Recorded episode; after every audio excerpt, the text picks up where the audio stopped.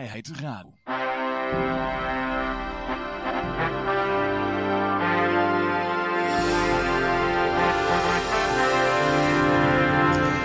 Ja, dames en heren, jongens en meisjes, dit is weer een nieuwe aflevering van Vrijheid Radio. Leuk dat u luistert. We zitten hier gezellig in Café Libertaria. Met op dit moment eh, Peter, Yoshi en Lucas. Misschien komt, misschien komt Pim, er ook nog bij. En eh, mijn naam is eh, Johan en ja, leuk dat u kijkt. Eh. oh, er gaat een blikje open geloof ik. Ik zit aan... eh, Ja, Lekker proost jongens. Eh, Rick zit trouwens in de, in de chat. Hebben jullie dat eh, Rick? meegekregen? Oh, Ja, Rick. Rick. Hallo Rick, leuk dat je kijkt. Oh.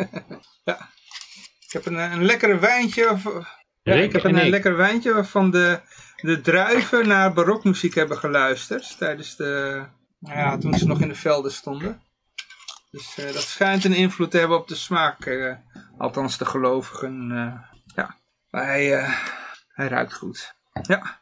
Nou goed, ja, we hebben een hele hoop berichten voor de mensen die ja, door de week onze berichten willen toewerpen. Dan kun je gewoon naar de Telegram groep gaan. Dat is t.me slash vrijheid. Ja. En dan kom je in onze groep. En dan kun je ja, door de week van alles erin gooien. We hebben hier ook een chat. En eh, ja, Josje is de chatmiep. Dus daar kan je eh, ja, ook eh mee praten met de uitzending. Dus we zijn hartstikke interactief. En Ja. ja, ja eh, voor de rest zou ik zeggen, laten we beginnen. En eh, proost ook Rick, die zit aan de groene thee. Dus eh, als chat, chatmeep hou ik het allemaal bij. Hè? Ja, ja, ja. Is het ook eh Goed T genutseld. T die naar barokmuziek geluisterd heeft? Of, eh? Misschien heeft het ook een effect op de smaak, hè? Ik moet zeggen, Rockmuziek of... eh, barok. Ja, het is een soort... eh, ja, ze, ze zien eruit als Deep Purple, alleen met een orgel. Dan, eh, ja. Goed. Bij Rick is het waarschijnlijk Deep Purple dan eerder. Ehm, ja, laten we even be- beginnen met eh, de goud, zilver, bitcoins en de staatsschuldmeter. De staatsschuldmeter staat op eh, 385,7 miljard in het rood. Er is dus niet veel gebeurd, zo te zien. Dat stond die vorige week ook ongeveer. Eh marijuana-index is weer met een eh, correctie bezig na het eh, boeren van de afgelopen maand. Die staat nu op eh, 106,94. En hoe doet de bitcoin het, Yoshi? De bitcoin staat momenteel iets onder de 10.000. Eh, er is natuurlijk een beetje een vertekend beeld, omdat we vorige week hebben uitgezonden op vrijdag en nu is het woensdag. Maar in de weekgrafiek zijn we 2% gedaald. Ah, oké. Dus 9710 euro heb ik er momenteel op staan. Oké, ja. Ehm, nou, we hebben nog goud, zilver en olie. eh, ja, ik... eh wordt een multiplexen. Goud is 1960. Dat was even bijna 1920 of zo weer dollar per ounce. Maar het is weer eh, terug aan het krabbelen vandaag met 1,9% omhoog. Eh, zilver is ook weer 4,5% omhoog. Dus ik heb het idee dat de correctie weer een beetje voorbij is van de edelmetaaltjes. Alles was gecorrigeerd. Alles, eh, de hele week was het even downward. Ja. Deze week naar beneden. Ja, de dollar die werd wat sterker, wordt daar over het algemeen over gezegd. En dat eigenlijk zit alles gecorreleerd. Dus als de dollar wat sterker wordt, dan gaan al die zogenaamde ja, eh, dollar alternatieven, die, die, eh, ja, die vluchtdingen, die harde valuta zeg maar, die gaan omlaag komen. Nou, de beurs moet gewoon even openen. En dan eh, zijn al die aankopen met dat nepgeld van de Fed zijn eh, weer gedaan. En dan vervolgens komt de realiteit weer terug. Dat patroon Dus zie je de dat, laatste dat paar dagen. altijd aan het begin van de dag. Die, Voor, de, voor het begin, ja. Hm. Daarna zie je het weer terugkrabbelen. terugkrabbelen. Nou ja, vandaag is ook op de beurzen, de techkoersen, die zaten, zitten ook weer allemaal tegen records aan te hikken. Hm. Nu nog steeds, ja. Ja. Het, houdt, eh, het, is weer, eh, het is weer risk-off heet het dan. Dat, eh, iedereen, iedereen gaat weer aan het feesten. ja. Risk-on heet het. De rest stond alleen nog maar olie. En de olie is eh 43 dollar 38. Oké, ja. We hebben, eh, ja, we hebben deze keer slechts één bitcoin eh, berichtje.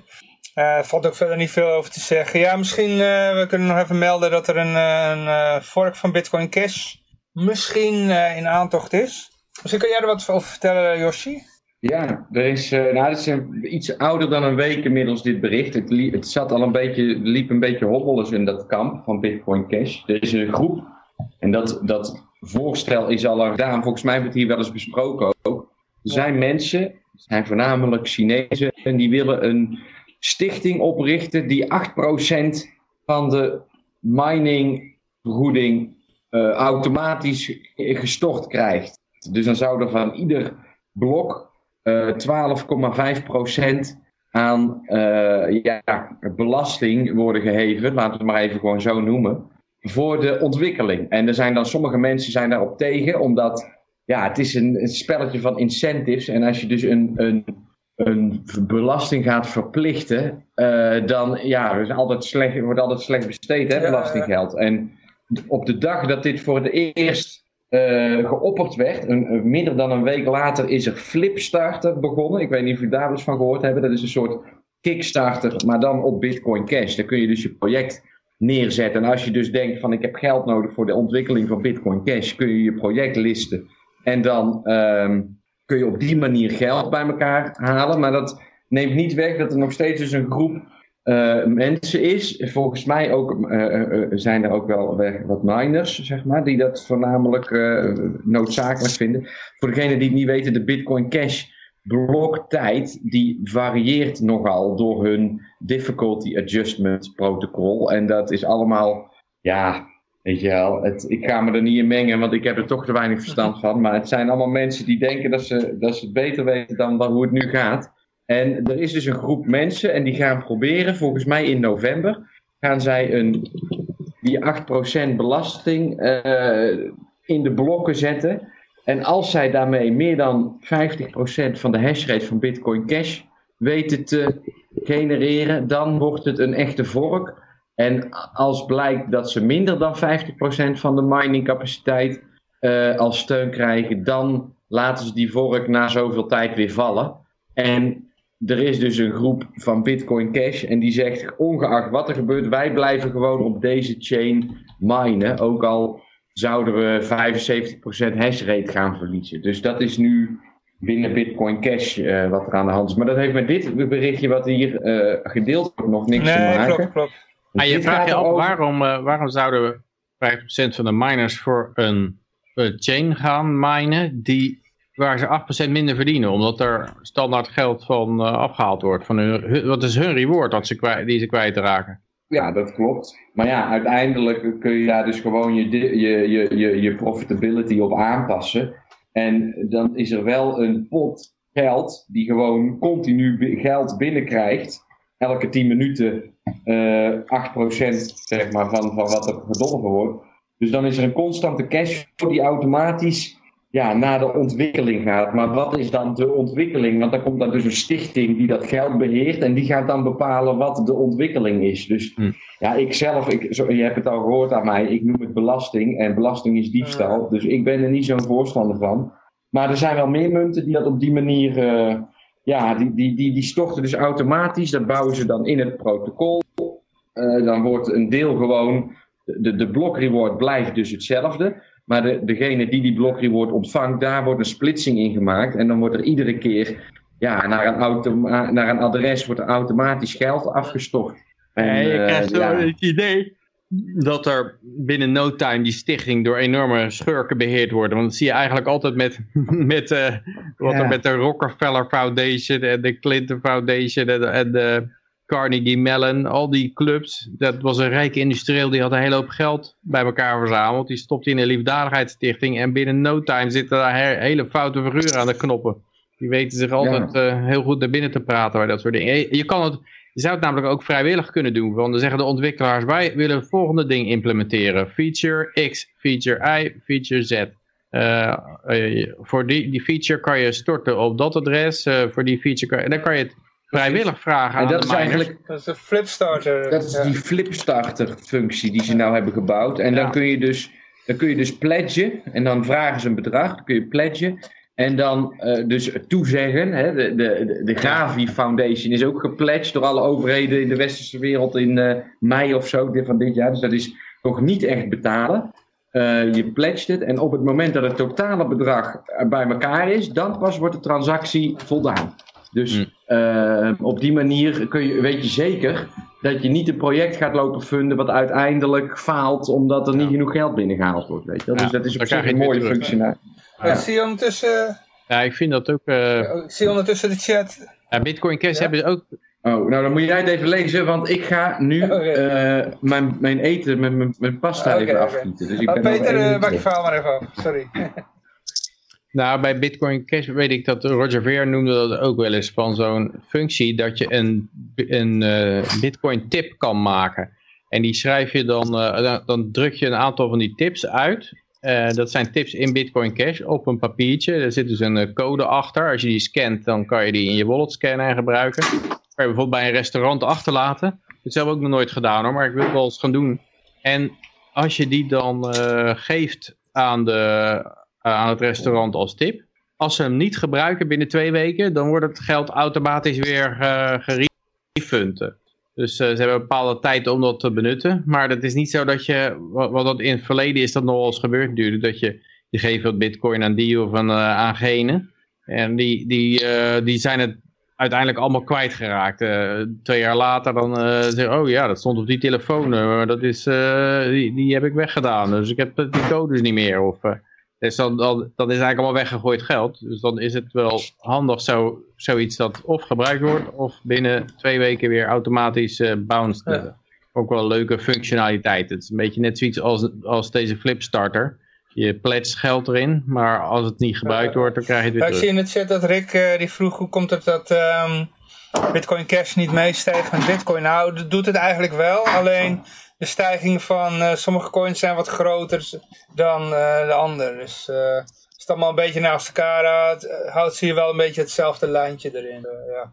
En wat er vaak gebeurt met, met die, wat de vorige keer in ieder geval gebeurde, is dat als het, als het zo'n enorme hype run heeft en het gaat omhoog naar, uh, naar een recordprijs en die blokken zitten helemaal vol en die, en die kosten gaan enorm omhoog, dan zie je opeens dat mensen gaan denken, ja, dit werkt niet. Dus dan gaan ze weer op zoek naar een alternatief en dan zie je opeens die goedkope alternatieven zoals Bitcoin Cash en Dash en zo, die komen dan opeens allemaal weer uh, naar voren. Ik denk dat je eerst weer naar een nieuw hoogtepunt moet en dat mensen echt ontdekken van ja, het is echt niet uh, werkbaar meer, want mijn de transactie staat drie dagen te wachten voordat die eindelijk een keer in een blok zit. Uh, ik, ik, ga eens naar wat anders op zoek. Ja, je hebt natuurlijk wel dat nu wordt het Lightning netwerk wordt steeds meer in gebruik genomen. En dan merken mensen in het begin ook helemaal niks omdat er hoge transactiekosten zijn. Maar dat komt pas als die, dat is de... Eraf haalt. Ja, ja, als je dat gaat, je, dat is, ze noemen dat een... Oh, ik ben die naam even kwijt, dat je bij de bar zit. Uh, je le leeft op de pof, zeg maar. Op een gegeven moment moet je die... Rekening. Ja, ja, dan moet je die, rekening moet dan toch in de blockchain verwerkt worden. Ja, en dan in één keer is de, bitcoin 100.000 uh, naar de 100.000 dollar gestegen. En dan uh, zit je met een probleem, weet je wel. Ja, dus... Uh, maar goed, ik had een uh, berichtje en dat is uh, bitcoin bezitters worden steeds zeldzamer, maar bezitten wel meer bitcoin. Dat was niet de officiële titel trouwens. Dat is een beetje wat ik erin las. De officiële titel is, uh, ik hem even laden, een record aantal bitcoin, bitcoin whales. whales ja. ja. Een whale is iemand die meer dan, uh, dan duizend bitcoins bezit. Ja, dat is ook een arbitraire titel natuurlijk. Ja, hè? ja. Want in 2014 was je pas een whale als je 10.000 bitcoins bezit. Ja, dus. ja, ja. Whales worden steeds kleiner. Ja, Ja, ja. whales Ja. zijn- En ook, Wat dat betreft zijn de whales aan het daarin- uitsterven eigenlijk. Ja, en ook daarin is het weer eh, de vraag: als je nou duizend bitcoins hebt, ga je ze dan allemaal op hetzelfde adres neerplempen? Of, eh, of maak je 100 adressen van 10 bitcoin? Ja, ja, ja. Weet je wel, dus ja. ja Wat ik officieel, niet maar goed, ja, er staat er zo'n zinnetje van eh, begin 2018 bijvoorbeeld, nadat de prijs van bitcoin van 20.000, nadat de prijs van bitcoin 20.000 dollar bereikte, daalde het aantal bitcoin adressen met meer dan 1000 bitcoin tot een niveau dat sinds 2014 niet meer bereikt was. Dus dan zou je zeggen, dit is heel erg om, omlaag gegaan. Het aantal bitcoin adressen met meer dan 1000 daalde heel erg sinds... eh, Ja, precies. Nee, maar dat, dat, komt natuurlijk op het moment dat hij op 20.000 komt, dan denken mensen, nou heb ik liever toch die dollar in plaats van dat ik eh, mijn bitcoin blijf aanhouden. Want de mensen die altijd zeggen, ja, hoddel maar, hoddel. Hoddelen is natuurlijk helemaal niks, hè. daar heb je geen fluit aan. Dus eh, op een gegeven moment moet je moet je ook weer een actie maken. En, en, en op, ja, hoe hoger die prijs wordt, hoe, hoe meer, of hoe zeg je dat, hoe eh, verleidelijker het wordt voor de mensen om die bitcoins uit cold storage te trekken.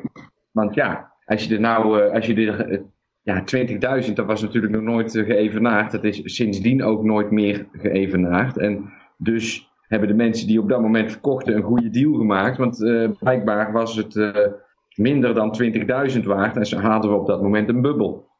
Hm. Dus op het moment dat eh, die, die, die koers dan zo stijgt, ja, dan gaan die grootbezitters gaan hun bitcoins verkopen. Mede omdat ze denken dat ze die bitcoins eh, twee jaar later weer voor de helft van de prijs kunnen terugkopen natuurlijk. Dus Maar je dat zou zeggen, spelletje van de... iedereen gaat het verkopen als het onder hoge plaat. Niet alleen de whales, toch? Nee, Nee, nee, nee, want het merendeel van de instappers die gebeurde juist toen het zo hoog was. Want toen gingen de nu.nl's en de kassa's eh, op eh, Nederland 3 en het NOS-journaal allemaal ineens vertellen dat de bitcoin zo hoog stond. Dus toen gingen alle schapen bitcoin kopen. En eh, ja, dat werd helemaal ge- ge- met, met brainwash. Dus je zegt de whales dat- zijn slimmer dan de rest. Ja, waar- daarom zijn ze ook Ja, wel dat eens, zou je in eh, zekere zin. Ja. Mm. Mm. Het meer, ik denk echt dat het merendeel van de mensen die vandaag de dag bitcoin bezit, dus meer dan 50% van die mensen, heeft daar alleen in de hoogtepunten wat aankopen op gedaan en zit sindsdien te balen dat het alleen maar naar beneden gaat en dat de krant dus schrijft dat bitcoin allemaal niks is en dat het nooit wat wordt en eh, bla bla bla. Weet je wel, d- d- dat is gewoon eh, ja, hoe het kennelijk eh, in de wereld nog steeds geregeld is. Dat, omdat dus die mensen die mainstream media geloven en die hebben gewoon, ja, ik weet niet of je het nog kan herinneren in december 2018, 17, sorry. Eh, maar dat was één grote reclame voor de bitcoin. En toen kwamen ook bijvoorbeeld, ja, het is een beetje lullig dat ik, ze- al die woorden nou gebruikt heb, maar kwamen mijn ouders naar mij toe en toen stond de bitcoin op 18.000 euro of zoiets.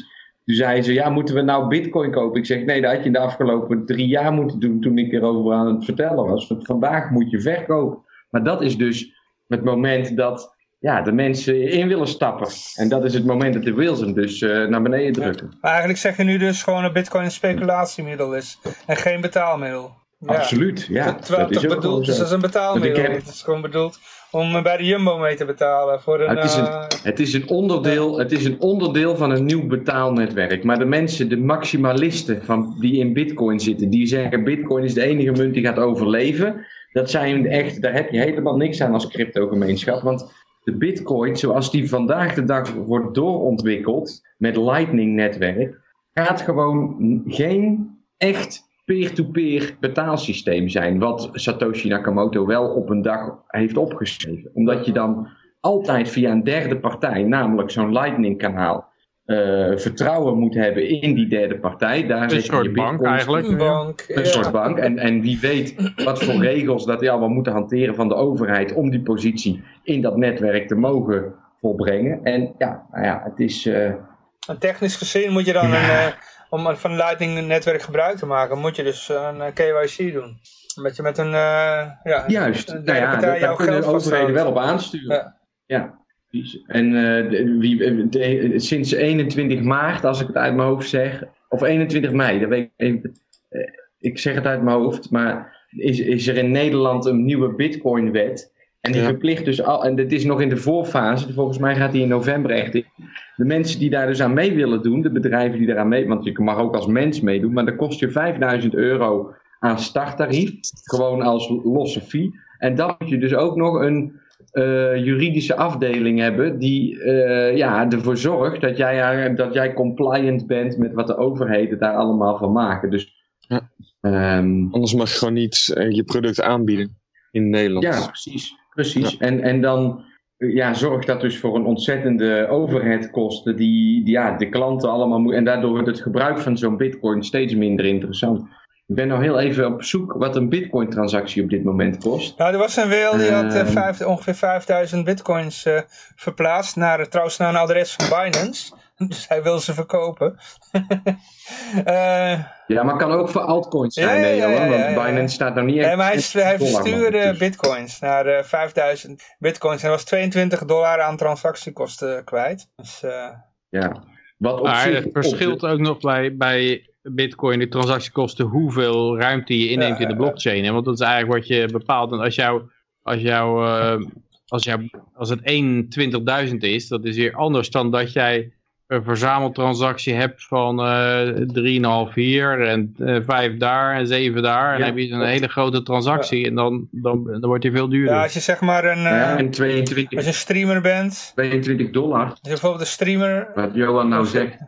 Sorry. als je, Nee, zeg Ja, heel klein. Als, als je een streamer bent en eh, je krijgt heel veel tips van eh, allemaal kleine bitcoins transacties en je wilt die en je hebt er ook ongeveer 5000 bij Ja. elkaar en die wil je aanbieden bij een eh, eigenlijk bij een miner dan eh, voor, voor in een blok Dan betaal je meer dan erin ja, dan staat. betaal je misschien wel meer dan dat je de, erin stort. Ja. Hm.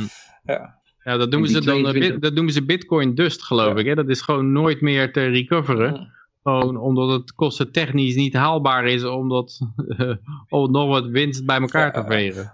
Met deze transactiekosten. Wat wil jij zeggen, Jossi? Eh, Nou, die 22 dollar die jij net noemt, Johan, die zit wel boven het gemiddelde natuurlijk. Maar eh 22 dollar, dat is gewoon eh, een, een, een, een dagsalaris hier waar ik nu woon. Dus dat is voor mensen... Ja, volgens mij is een losse transactie nu, laten we even, tussen de 1 en de 10 dollar. Dat is heel veilig, dan weet ik zeker dat ik goed zit.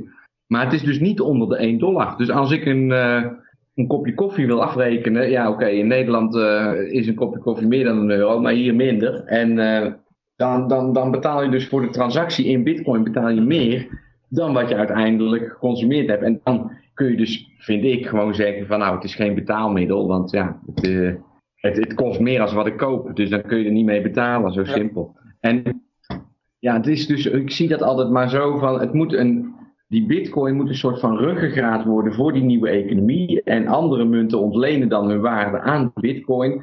Maar om nou te gaan zeggen van die bitcoin gaat het voor mij worden en die is de enige die het gaat overleven. En weet je wat, zo zijn echt die bedrijven die dus nu die eh 5000 euro aftikken bij de overheid.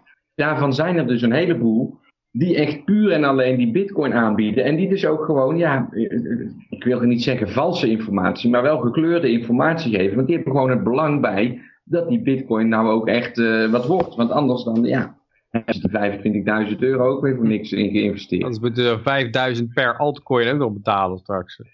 Nee, nee, dat is dan niet zo. Dat, je, kan, je kan dan wel, het is wel zo, je kan al die altcoins dan ook aanbieden natuurlijk, maar eh, ja, dat doen ze dan niet, want dan zeggen ze, ja, nee, wij willen de zekerheid naar onze klanten en zo. Ik ken er wel een paar, eh, eh, ja, bijvoorbeeld een Bitonic, die, die, die, die gaan gewoon niet over en ik die denk dat blijven ze maar op die eh, Ripple bitcoin aan. toch ook wel gaan aanbieden en eh, Ethereum. Gewoon de, de grote Nee, vijf of zo.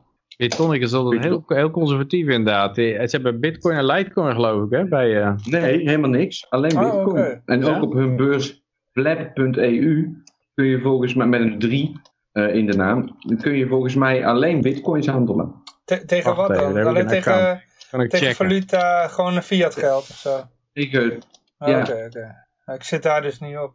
Maar goed, ehm, ja, we gaan naar de overige berichten toe. Ik heb hier eh, een bericht die we vorige week, eh, ja, kwamen daar net niet aan toe. En eh, dat gaan we nu dus doen. De vier bouwstenen van de grote reset. Even correctie, want ik zie nu, er is ook een Litecoin op de Ah, ja. EU, dus dan moet Precies. Ja. Die ook, ja. Ja, de vier bouwstenen van Nou, de... Nog geen e-gulden, dus Oké. Maar Yoshi, dat, eh, hier had jij wat over te zeggen. De vier bouwstenen van de grote reset. Nou, ik zei de vorige keer, laten we dit even vooruitschuiven. Want dit is namelijk best wel een artikel. Ehm, en, eh, nou, ik zal hem eventjes erbij pakken. Ik heb het wel gelezen. Dit is een beetje een, toch een, een, ja, de Great Reset, voor de mensen die het niet weten, is aangekondigd door de World Economic Forum als onderwerp van hun samenkomen in 2021. En ehm, dit artikel komt dus ook van het World Economic Forum.org website. Dus dit is eh, de World Economic Forum propaganda die we hier aan het lezen zijn. En ehm, er worden vier punten aangehaald. En eigenlijk zeggen ze dus, hoe kunnen wij deze reset nou zo goed mogelijk eh, insti- instigneren? Hoe kunnen we die zo goed mogelijk in gang zetten? Zodat mensen ook eh, ja, anders gaan nadenken en anders gaan handelen. En Dus ze in beginnen onder met eh, Thomas, Pi- Thomas Piketty's Capital and Ideology en Rutter, Rutger Bregmans Humankind. eh, twee boeken ja, van, de, precies. Van afschuwelijke linkse vullers. eh. Ja, precies. Dus dan weet je een beetje in wat voor hoek dat je toch moet zoeken en waar we mee bezig zijn met die World Economic Reset. Al roep ik dus ook al tien jaar dat we een, eh, een currency reset aan het krijgen zijn. Ehm, maar ja, eigenlijk wordt het dus gesteld bij die reset, onder andere, eh, dus wordt er gezegd dat eh, eh, sturen op basis van eh, eh, bruto binnenlands product is ongewenst, want het bruto binnenlands product dat meet eigenlijk de verkeerde dingen. En, en zo wordt dus, er wordt eigenlijk een, een fundament gelegd om ja, de hele maatschappij anders in te gaan richten en dus een, een, een great reset te, te realiseren. En persoonlijk ben ik er hartstikke op voor. Ik vind ook dat, de hand, weet je wel, dat sturen op puur en alleen economische winst of puur en alleen op het br- bruto binnenlands product, dat, dat, ja, daar kun je zo mee spelen. Bijvoorbeeld kijk naar een HEMA, weet je, of nee, hoe heet het nou, Wel- welke was het nou? Ik denk dat het een HEMA was, die laatst nieuws was. En daar dan, wordt dan met leningen wordt dat overgenomen, dan worden die gebouwen verkocht. En dan wordt het daarna, weet je wel, eh, eh, heb, je, heb je een bedrijf over wat totaal niet meer, rele- eh, niet meer winstgevend kan zijn door alle schuld die erin zit. Maar dan heb je wel ja, vijf enorm goede jaren gedraaid omdat je al je gebouwen verkocht hebt. En ja, dat, dat, dat geeft gewoon, hoe zeg je het goed? Het klopt gewoon die- niet. Nee, prikkels die, die, die de verkeerde handelingen eigenlijk eh, ja, verrichten of eh, Het heeft niks meer met het, het echt geld, het waarde creëren te maken door werk te verzetten, maar door gewoon slim met potjes geld te schuiven. Dat is eigenlijk wat er gebeurt. Ja. Maar dit is dus een, een, een inleidend artikel eigenlijk op die Great Reset. En ik denk dat we daar hier in deze radioshow nog wel eens een paar keer eh, mee geconfronteerd gaan worden met dit gedachtegoed. Ik heb laatst eh, videobeelden gezien van die, eh, een Duitser en een Italiaan die die Great Reset aankondigen. Dat klinkt Dr. echt- Evil, hè? Ja, dat klinkt echt Dr. Evil, ja. Therefore we must have the re- Great Reset. ja, het is echt... eh, en toevallig ook een Italiaan en een Duitser. Je zit gewoon weer naar de Echt scary kijken. klas is het er. Ja. Ik heb nog een vraag uit de chat eh, van Rick. Eh, is de currency eh, reset een manier om van alle staatsschulden af te komen? Nee. Ja, want die schulden blijven Oh, sorry, bestaan, mag toch? ik hem beantwoorden? Ja, oké. Die schuld blijven staan, maar ze worden weg. Door, als ik denk wat er gaat gebeuren, dan worden ze dus met, met hyperinflatie. ehm, eh, met hyperinflatie worden ze eigenlijk Opgelost. Ja, eh, minder groot gemaakt. Min, min- in absolute getallen blijft het dan gelijk, maar in relatieve getallen wordt het dan minder. Dus als er ineens een hyper. Ja? Eh, ja, het was niet zo netjes om tussendoor te gaan. Maar ook heel veel schuldpakketten die hebben gewoon een hele lange looptijd. Dus eh voor 100 jaar of zo. Nou ja, dat, dat hoef je ook voorlopig niet af te lossen. En dat kun je dus over 100 jaar met het fopgeld wat je dan hebt makkelijk oplossen op de manier zoals jij dat nu verder gaat uitleggen. nou, ik hoopte eigenlijk dat ik pasta ging eten, maar goed, ik zal Nou, even- maar ja, daar kan ik wel even wat... Ja, het is natuurlijk de vraag Ja. hoe, ze, hoe ze dit gaan, eh, gaan oplossen. Maar ja, het is duidelijk dat die schulden zo groot zijn dat ze de rente nooit meer omhoog kunnen doen. Want als je de rente omhoog doet, dan, dan ploft gelijk alles. Dan gaan de uitgaven aan rente worden dan zo hoog dat, eh, ja, dat, dat hele belastingbudget aan rente opgaat. Dus ja, als ze de rente niet omhoog kunnen doen, dan wordt het op een gegeven moment eh, inflatie. Want ja, om, om prijsstijgingen tegen te houden, zou je op een gegeven moment de rente omhoog moeten doen. En dat weten ze denk ik ook wel. Daarom zitten ze over een, over een reset na te denken. En hoe ze dat nou precies gaan vormgeven. Ja, er wordt al wel over Piketty gezegd en over eh, eh, die Brechtman. Die allemaal heel erg op het kapitalisme schelden.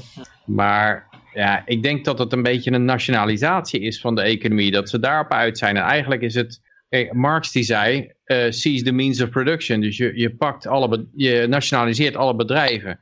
En als de centrale banken heel veel geld drukken en eh, allerlei assets opkopen, onder andere bedrijven, dan, ja, dan koopt eigenlijk de staat die koopt alle bedrijven op. En om dat te doen, en je ziet eigenlijk in Japan bijvoorbeeld, ik geloof dat daar de, de centrale bank al iets van 70% van alle ETF's in handen heeft. Dus die hebben al eh, een heel groot deel van de markt opgekocht. En die is eigendom van de centrale bank. En dat hebben ze gewoon met de geldpers gedaan.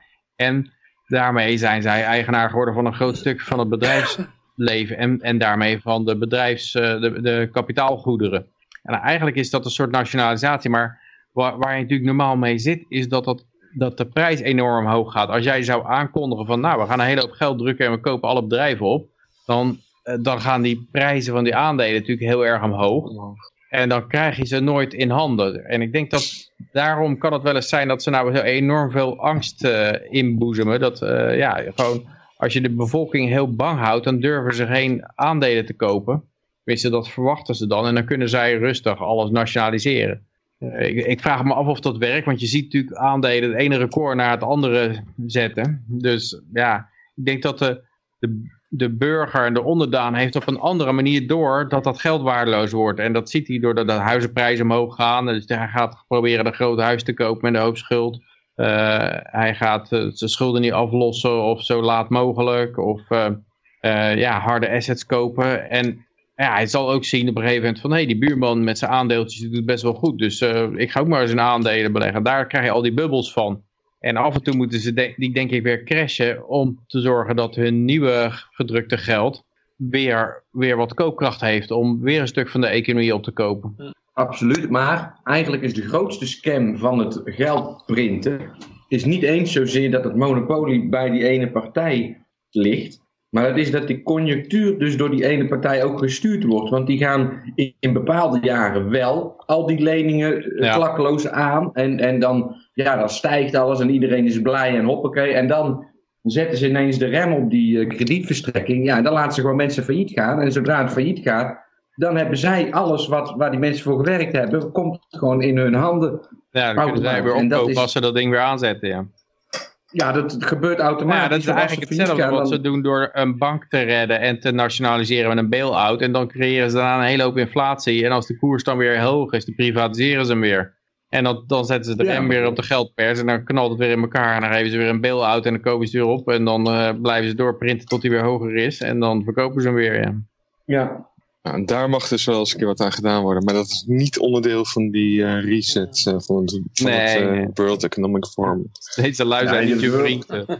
Het World Economic Forum blijft natuurlijk gewoon altijd eh, propageren dat er een, eh, monopolie moet zijn op de geldcreatie. En dat is eh, van de pedoclub, hè, zoals ik ze altijd maar beschrijf. Dus eh, die, die, die, dat Old Boys Network, dat moet gewoon in stand blijven. En ja, het World Economic Forum werkt daar ook gewoon voor, om het maar zo te zeggen. Dus, Ah, ik kan me wel voorstellen dat ze de dollar eh, gaan verlaten als reservemunt. En dat ze meer naar een mandje toe gaan of zo. Dat, dat, dat was altijd de verwachting ook van die eh, Jim Rickards bijvoorbeeld. Dat ze naar die eh, SDR's toe gingen. Dus, die Special Drawing Rights Ja. van het IMF. En ja. dat, dat niet de dollar meer de reservemunt is, maar een mandje van, van andere valuta. En de IFM, de Eh, IFM ja, waarschijnlijk moment, niet. De, de, de IFM, sorry, de IFM, IMF. IMF, IMF. IMF eh, munt. Special drawing Ja. rights. Ja. Ja, en, En, eh, ook, ja. eh, hoe heet die ook alweer, van RTLZ, onze goud... eh goud middel- eh, Middelkoop. Ja, ja die, zegt- die spreekt daar ook altijd over. En eh, dat is ook geen geheim, in zekere zin. Maar, ehm, ja, maar de vraag is een daar? beetje of dat gaat helpen. Want je ziet dat de hele wereld aan het devalueren is. Het, eh, dat de ene gaat wat harder op dit moment. En de andere munt die gaat wat harder omlaag op dat moment.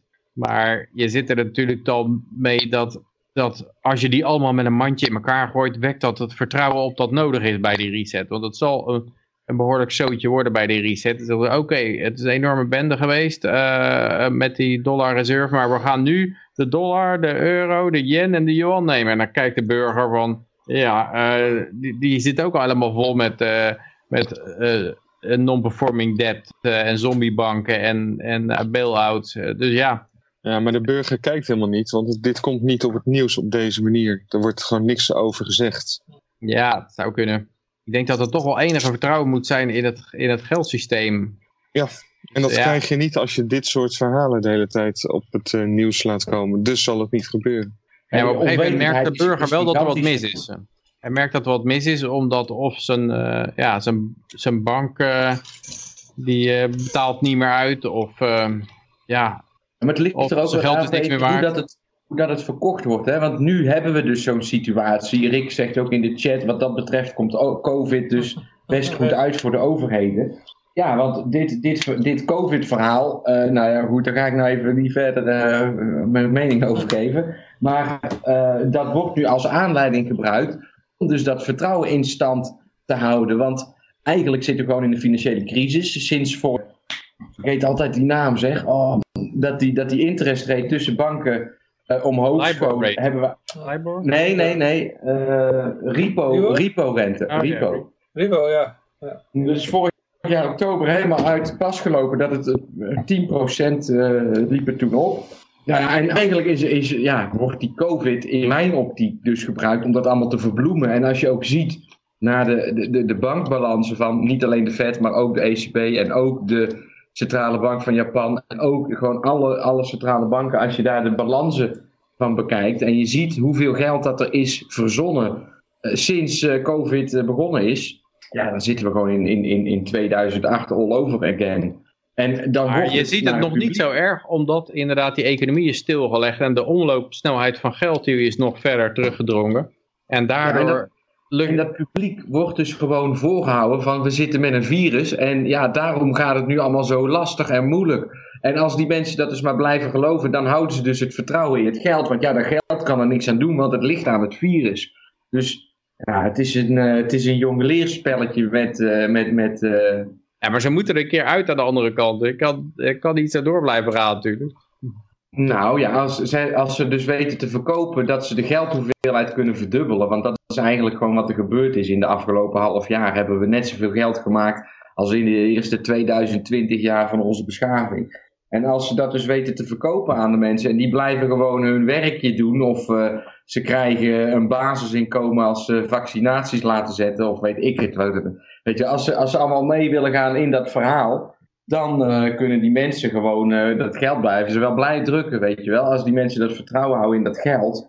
Dan, Ja, maar uiteindelijk kan kan het niet, want ze, worden, ze zijn ook de hele voedselvoorziening voorziening plat aan het leggen. Die boeren die worden allemaal uitgeschakeld via- vanwege de stikstofcrisis. Maar ik hoorde nou ook dat ze in Amerika gaan ze die hele landbouwstaten, die, die enorme eh, ja, bronnen van, van eh, Ohio's. voedsel, die gaan ze verplicht testen op, eh, op COVID, alle werknemers. En het is al bij één staat gebeurd dat ze ja, allemaal positief. Wordt de hele, de hele staat stilgelegd, alle landbouw in de hele staat. Dus eh, en dat willen ze daar bij andere staten ook gaan doen. Dat betekent dat je in feite de hele voedselproductie om zeep zit te helpen.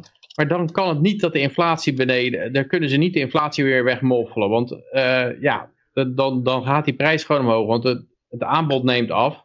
En mensen Ja. krijgen geld tot de bank gestort. En zelfs in Amerika krijgen vaak mensen nog meer geld dan toen ze werkten.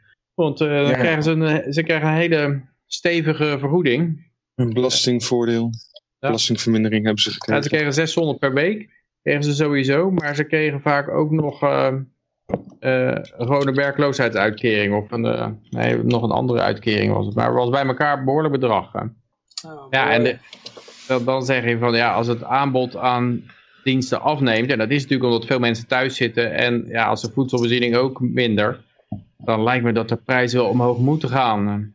En dan, nou, ik, meestal is dan toch dat er onrust komt en dan gaat men toch het eerst protesteren op het Malieveld. Ja, dan komen ze vanuit Ohio, hè? Dan gaan ze naar het Malieveld. Nou, nee, maar in Nederland, er is overal Ja, een beetje hetzelfde aan de gang. eh, ja, Overal hebben ze een Malieveld. Ja, er is, eh, er is wel eens een, een studie op geweest. Volgens mij is het zo dat als jij meer dan 15% kwijt bent aan jouw eh, eten, eh, het kan ook 50, want daar zit ik nou over te denken. Maar dat was toen in Egypte, eh, tijdens die Arabische lente. Nou ja, daar kunnen we ook weer een hele aparte uitzending over maken.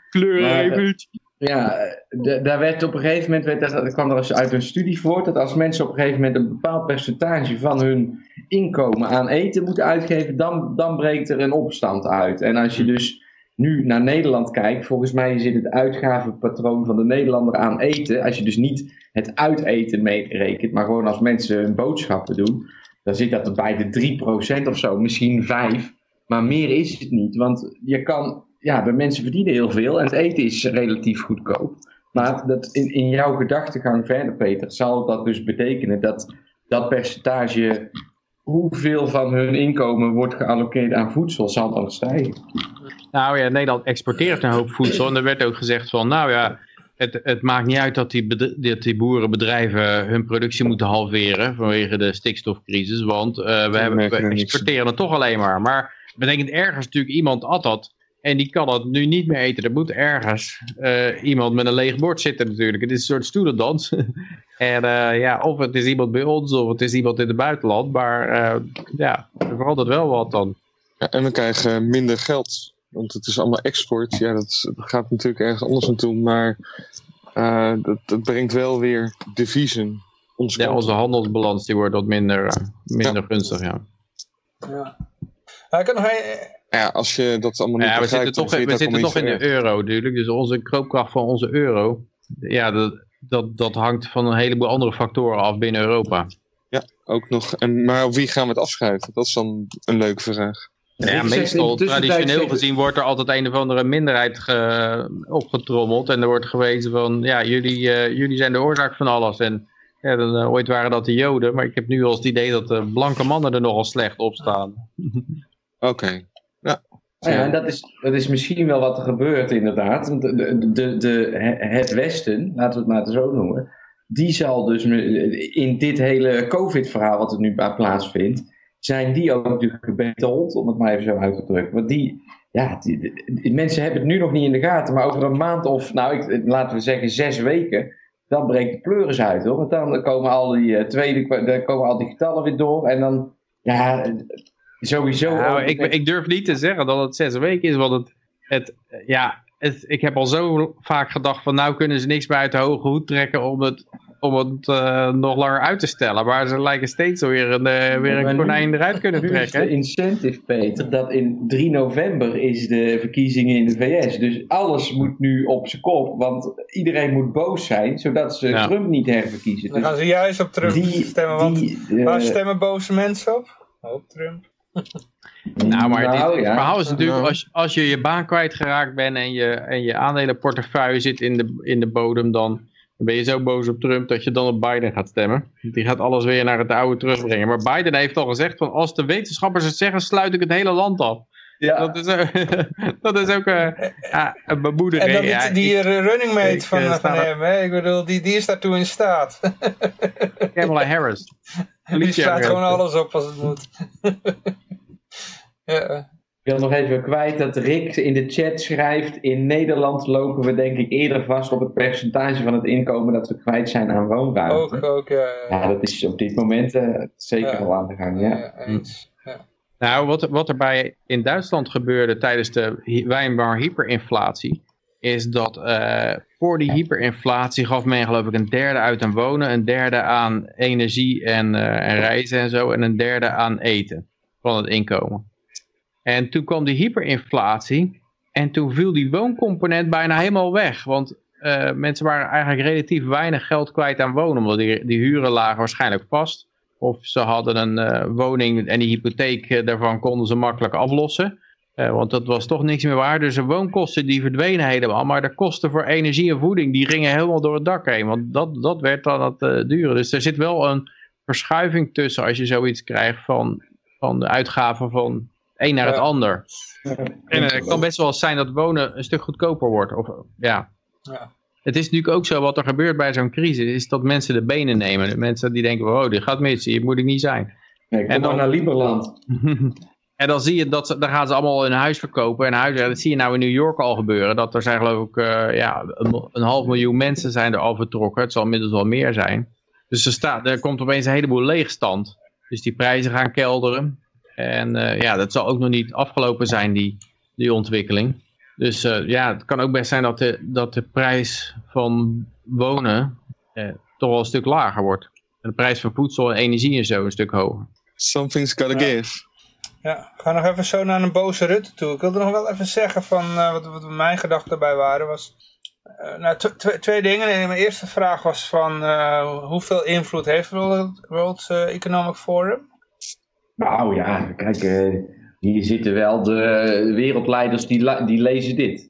Om maar zo Ja. te zeggen. Die worden daar wel door beïnvloed. Ja, ja. Ik, Ja, en ook op LinkedIn zie je allemaal collega-gekkies die daar helemaal eh, lyrisch over worden. Ja, je hebt een aantal van die dingen, de Council of Foreign Relations en de Bilderberg en de World Economic Forum. En eh, er zijn er een hele hoop van die clubjes die, ja, die toch allemaal wel aardig wat invloed lijken te hebben. Die Great Reset waar dit artikel dan over gaat, dat is gewoon, eh, dat komt volgend jaar dik op de agenda hoor. Daar gaat iedereen het over hebben, want daar zijn we nu eigenlijk al naartoe aan het leven. En dat, dat weet je wel. Toch hoor je ze ook steeds wat zeggen over een centrale bank cryptocurrency. Hè? Dat, dat komt ook steeds Ja, vaker terug. China is er al mee Maar bezig. digital, hè? Niet crypto, hè? Digital Ja. noemen ze het dan. Ja, maar er, zal ook wel, er zal ook wel wat cryptografie in zitten. Maar het is in ieder geval niet distributed. Het is wel gecentraliseerd. Nee, Ja. Dus eh, je vraagt je wel eens af of dat dan, dan ook een soort voorbereiding daarvoor is. Dat je gewoon, je maakt eerst van die, eh, die crypto, die worden een enorm succes. Die trekken een hele hoop aandacht. En dan zeggen de centrale banken, nou, eh, ja, die dollar, dat is een beetje mislukt. En al die fiat geld eenheden. Maar we gaan ze nou digitaal maken. En eh, dan kunnen jullie het weer vertrouwen. En dan kunnen ze ook weer een paar jaar mee vooruit. Voordat duidelijk wordt dat dat het precies tot dezelfde problemen leidt. Want het punt is natuurlijk dat die centrale banken niet onafhankelijk zijn. Dat, dat ze altijd onder politieke druk staat. En als de politiek zegt van eh, ja, eh, pompen of verzuipen, er moet meer geld bij, want er is een crisis. En ja, dit is echt een hele exceptionele crisis. En eh, jullie moeten eventjes eh, door de vingers zien dat eh regel het. Net zoals als altijd met een oorlog gebeurde. Dan, dan moeten die centrale banken de geldpers openzetten. Want ja, ze zijn, uiteindelijk zijn ze een monopolie beschermd door de militaire macht van de staat. Eh, dus ze bestaan bij gratie van de staat. Dus als de staat iets wil, dan moeten ze dat in feite doen. En je ziet het ook nou in Europa, zie je zo'n gevecht tussen zeg maar, de conservatievere landen, die nog een beetje, eh, net zoals Duitsland, Nederland, Finland en zo, die weten nog van die hyperinflatie van, eh, die Duitsland eh, gekend heeft, dat dat heel slecht uitpakt. Dat dat tot een tot dramatische politieke en economische ontwikkelingen leidt. En die hebben altijd, Duitsland traditioneel, altijd een harde munt erop na willen houden. Na de Tweede Wereldoorlog. En in Nederland, zijn gulden zat gewoon in de Duitse markt gekoppeld. Dus ook met een harde munt wist ze gewoon een hele goede, sta- stabiele economie, of een groeiende economie uit de grond te trekken. En die Zuid-Europese landen waren veel meer van, hol- holla die, eh, we gooien wel weer een paar nullen af als het eh, zover is. En, en je ziet dat gevecht nou binnen Europa, dat, dat die, die, zeg maar die, de degelijke landen dat toch aan het verliezen zijn. En uiteindelijk dat ze, ja, er komt nog geen eurobonds bonds moeten er komen, zeggen, dat zegt Rutte dan heel dapper. En dan uiteindelijk wordt hij gewoon, de vrekken, eh, vrekken van de noordelijke vrekken worden ze genoemd. En dan, eh, nou ja, op een gegeven moment dan wordt het toch maar weer eh, toegegeven. Ja, en Ja, dan wordt het geld gegeven en daarna kun je het alleen maar terugkrijgen als je die hypotheekrente aftrek eh, gaat afschaffen. Ja, zoiets. Ja. Je kan je eigen geld weer terugkrijgen onder voorwaarden. Ja. Ja, maar ook gewoon omdat ze van zo van elkaar afhankelijk zijn natuurlijk. Want als zij dat Italië en, en, en, en, en bijvoorbeeld geen geld geven, ja, wat gebeurt er dan? Dan, eh, dan, dan stort heel de euro-economie, eh, Ja, dan, dan, dan gaat er een heleboel westerse banken die allemaal geleend hebben daaraan. Die zijn natuurlijk ook al hun deposito's kwijt dan. eh. Ja, Dus, maar ja, je weet natuurlijk... je weet natuurlijk dat, dit, dat deze moral hazard gegarandeerd misgaat. Want dat betekent dat, dat die landen die gaan niet de tering naar de nering zetten. Of die regeringen van die landen. Dus het enige wat er gebeurt is de volgende keer is het een nog groter bedrag. En daarna een nog groter bedrag. eh. Ja, ik zie het altijd zo van, we leven nu eigenlijk in die top van, van, dat, van dat empire, hè? Van, dat, van dat wereldrijk wat het gewoon is. De dollar en de euro domineren de wereld. Of we hebben de laatste paar kleine bastions die er nog tegen waren, Irak, Afghanistan, Libië, in de afgelopen tien jaar wel zo'n beetje eh, neer weten te halen. En die mensen die dus nu eh daar gaan we weer in de pedoclub rondhangen. Ja, die willen die tijd wel hebben, want dat is hartstikke leuk op het moment voor hen. Dus of dat het nou, of dat als ze dan aan Italië af en toe wat moeten weg- weggeven, zolang dat zij die tijd kunnen kopen, blijven ze die tijd kopen. En ja, dat zie ik inderdaad wel een beetje met, met de COVID. Dat het toch een kantelpunt is van ja, zelfs al wil je het kopen, dan kan het op een gegeven moment dus niet meer. Want de- wat jij zegt Peter, die economische realiteit, op een gegeven moment komt die wel. Weet je, wel. je kan mensen heel erg lang voor de gek blijven houden, maar die Chinezen dus niet zo. Weet je, wel. die En Chinezen er gaan een paar landen die gaan afsplitsen op een gegeven moment. Die zeggen, ja, en nou, genoeg is genoeg. En eh, wij, eh, wij trekken het niet meer. En dan krijg je het hard voor je kiezen. Want ik vind het ook verbazingwekkend dat bijvoorbeeld die, die in Wit-Rusland zeiden ze, wij doen niet mee in die lockdown. En die president die beweert, van ja, ik kreeg van de World Health Organization zoveel geld aangeboden om daar, eh, om alles in te implementeren volgens de World Health Organization. En, eh, en de- hij zei, bekijk het maar. En, eh, en hij heeft gelijk een revolutie aan zijn, eh, aan zijn broek. Hij had eerst eh, 92 miljoen nee tegen gezegd en toen kwamen ze met 900 miljoen en toen zei hij weer nee. Ja, dus dat is, ehm, ja, ik weet niet wat voor macht die lui allemaal hebben, maar ik denk dat er op een gegeven moment toch landen gaan wegbreken, omdat er gewoon niks meer te verliezen hebben of zo. Of om, Dus ja, dan is het wel de vraag wat er, wat er Ik, gaat ik denk dat gebeuren. nou heel veel, wereld, ik denk heel er- veel wereldleiders die hebben nu zoiets van shit. Eerst 9 miljoen, dat heb ik ook aangenomen. Als ik gewacht had, had ik 900 miljoen gehad. Wat verdorie. Er zat er nog meer in. Wij gaan nu ook weigeren. Dat, dat is op zich wel een leuke actie dat hij dat gezegd heeft. Want misschien is er helemaal geen 900 miljoen euro aangeboden. Dat hij dat gewoon gelogen heeft. Of 900 miljoen dollar. Dat hij zegt, ja, ik kreeg eerst 9, want iedereen kreeg 9. Ja, toen daarna bood ze om 900. En dan al die Nee, nee, anderen negen- inderdaad, wat? 90, Oh, ja, hè, 90, 90 oké. Oh, ging naar 900. Eh, ja, nee, anders was het wel heel extra. Misschien had hij gehoopt dat hij 9 miljard zou krijgen daarna als hij lang genoeg volhield. Maar, eh. nee, we gaan verder met je verhaal. Sorry eh, dat ik interrumpeerde. Nou ja, ik, wat ik, eh, wat ik eh, zei van ja, ze hebben natuurlijk machtsmiddelen om dat soort dingen af te dwingen. Dat verbaast me ook altijd over, over internationale belastingverdragen en dat soort dingen. Dat, dat, eh, en boetes ook. Dat eh, Amerika kan gewoon een boete opleggen aan een Franse bank of een Zwitserse bank die, die helemaal niks in Amerika gedaan heeft. Eh, omdat ze met Iran zaken gedaan hebben, maar dat was gewoon een Europese bank. En dan kunnen ze daar, zij een boete opleggen. En die worden ook door Europese rechters gewoon kennelijk ge- gehandhaafd. En dat heeft me altijd verbaasd dat, er, dat ze niet zeggen van... eh, ja, hey, Amerikaanse regering, je kan beboeten wat je wil, je bekijkt het maar. Want daar, daar zit er kennelijk iets achter. Voor. Als je daar nee tegen zegt, dan, eh, ja, dan, dan, krijg, je- dan gaat er Ja, iets heel erg pijn doen of zo. Dan gaan, dan gaan ze dus, de, de- kijk, het is hetzelfde met de COVID-regels van vandaag, weet je wel. Als een supermarkt, nou in Nederland is dat minder, maar hier, als, als je, ze, ze, ze zorgen dus altijd dat iemand anders die incentive heeft om dat voor hun uit te voeren. Dus eh, ze, ze leggen een boete op aan een bank in Frankrijk, hè, de VS legt een boete op aan een bank in Frankrijk. En als die bank in Frankrijk nee zou zeggen, dan gaan ze zeggen, ja oké, dan zijn alle zakenpartners van die bank gaan we nu ook een boete opleggen. En, en, en die mogen in, in Amerika geen zaken meer doen. Hmm. En, en, en ja, op die manier hebben ze gewoon eh, iedereen eigenlijk eh, in hun Ah, die hand die gaat een keer overspeeld worden, denk ik. Want dat hebben ze nou met die Nord Stream tape pipeline ook gedaan. Er werd zo'n pipeline, Ja, een gaspipeline Ja, aangelegd. naar Duitsland toe. En toen zei Amerika ook van, eh, nee, dat mag niet. En, en eh, ja, dachten die Europeanen en Russen ook van, wacht eens even, we zijn het gewoon zelf aan het bouwen bij ons grondgebied en daar hebben wij niks mee te maken. Maar op een gegeven moment was het zelfs alle bedrijven die daar aan meegewerkt hebben, als de werknemers daarvan voet op Amerikaanse bodem zetten, konden ze gearresteerd worden. Ja, dat maakt het eh, natuurlijk wel even wat, eh, wat, wat lastig. Er zijn er toch maar een hele hoop bedrijven die hebben zich eruit teru- teruggetrokken. En uiteindelijk hebben ze het geloof ik nog wel afgekregen. Maar ik vraag me af hoe dat... eh, ja, of dat Nou, op, die manier, op die manier zetten ze dat dus vast. En dan zeggen ze dus ook bijvoorbeeld van ja, je moet in de supermarkt moet iedereen een, een mondkapje op. En als je het niet doet, dan geven we de supermarkt een boete. Dus dan gaat die supermarkt gaat al die mensen controleren op een mondkapje. Ja, Weet je? En, en ja, dat is natuurlijk eh, voor de overheid perfect. Want die hebben helemaal niet de mankracht om, om die controle na te leven. Dus die moeten op die manier delegeren met incentives creëren. Of, of ja, negatieve incentives in, in de vorm van boetes. En, ja, maar de hele truc is ook dat je als je, zo'n, als je zeg maar een groot land hebt met slaven erin, dan wil je, dan wil je dat niet helemaal zelf moeten patrouilleren. Je wil het liefst dat de slaven zichzelf, zichzelf met de hele Karen-beweging is dat gelukt ook weer. Hè? Dat, eh, als je je voet buiten de deur zet zonder, eh, zonder mondkapje, of je, dan, dan eh, word je helemaal kapot gescholden door een of andere eh. Overigens, Peter, heb ik dus ook begrepen dat kerns kunnen ook mensen zijn die juist geen mondkapje op willen. En die dus helemaal lijp worden op mensen die zeggen tegen hun, hey, zou je geen mondkapje voor Ja. doen? En dat ze zeggen, hey, fuck you, my fucking mondkap.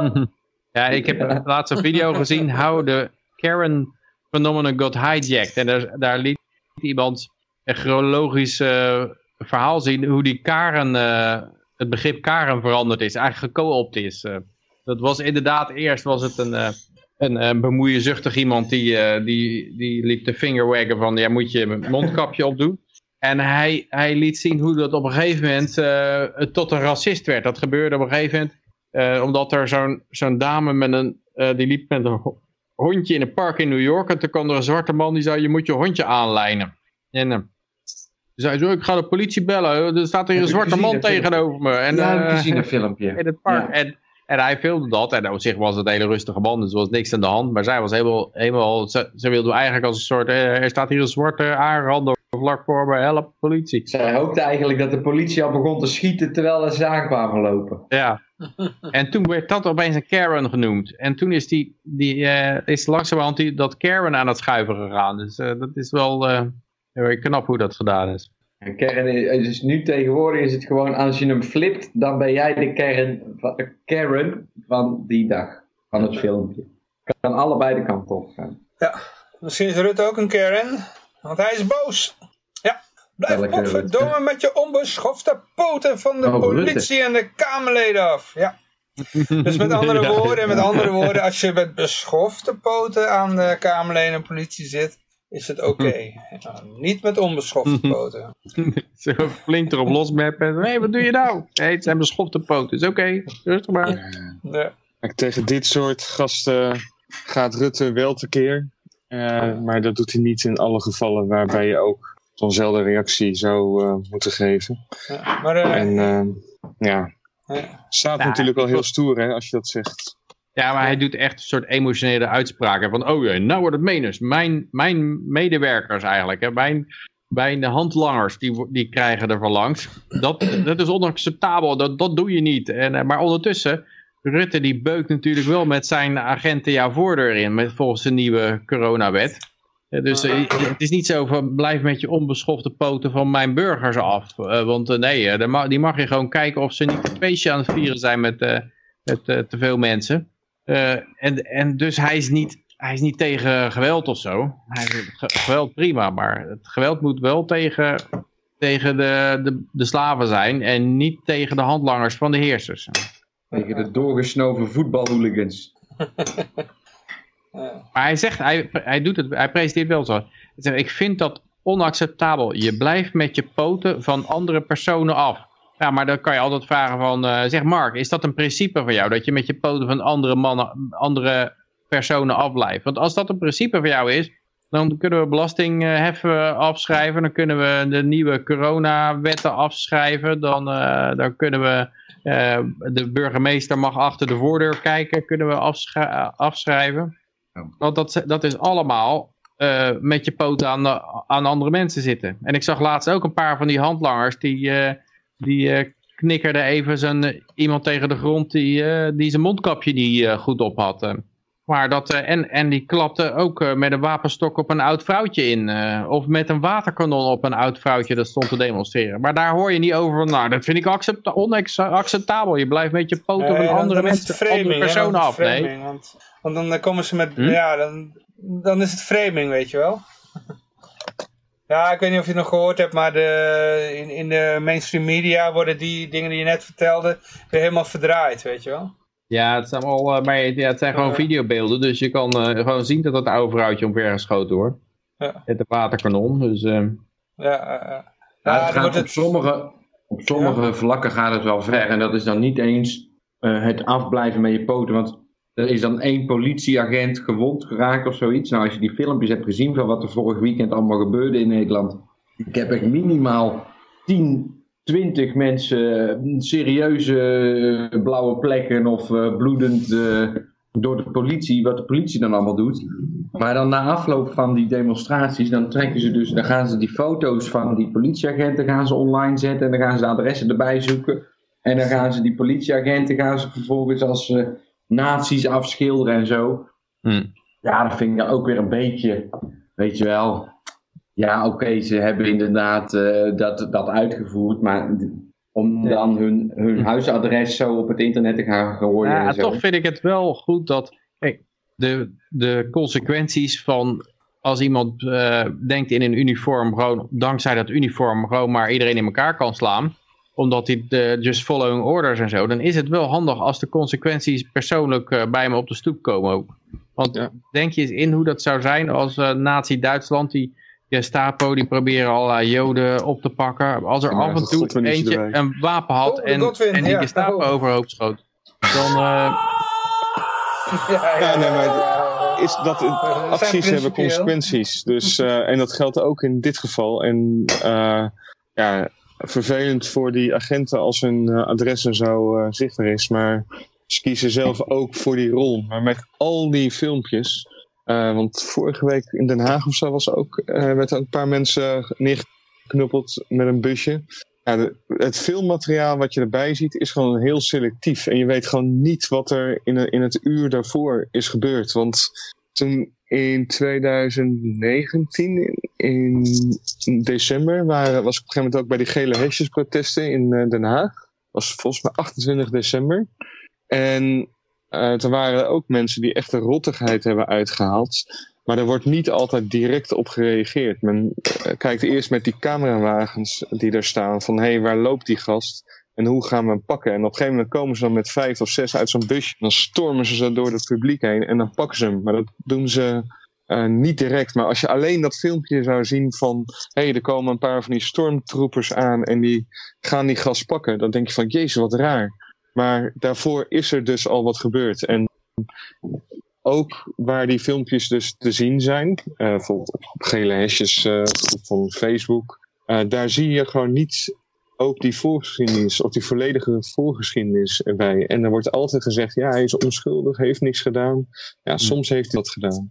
Ja, En- nou, het zou kunnen, want ik heb, ik heb dat in Amerika ook, die, die, van die George Floyd bijvoorbeeld, waar heel Amerika over in brand is gezet. eh, en, en nou vandaag of gisteren of zo is er ook weer eentje eh, in zijn rug geschoten. En er wordt zo, ja, eh, politie schiet zwarte man in zijn rug zeven keer of zo. maar dan zie je een stukje filmfragment en dat is ook weer niet het hele verhaal. Wat er uiteindelijk daar bij die laatste gebeurde bijvoorbeeld, is dat die vent die was sowieso een, een veroordeelde verkrachter.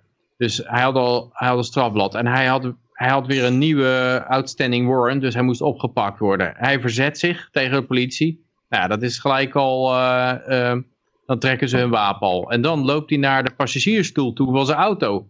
Ja, eh, Dat en hij moet je doet, nooit doen. hij doet de portier open en hij wil zijn auto ingaan. Ja, dan, dan denkt de politie natuurlijk van hij gaat voor zijn wapen, dus die schieten hem dan.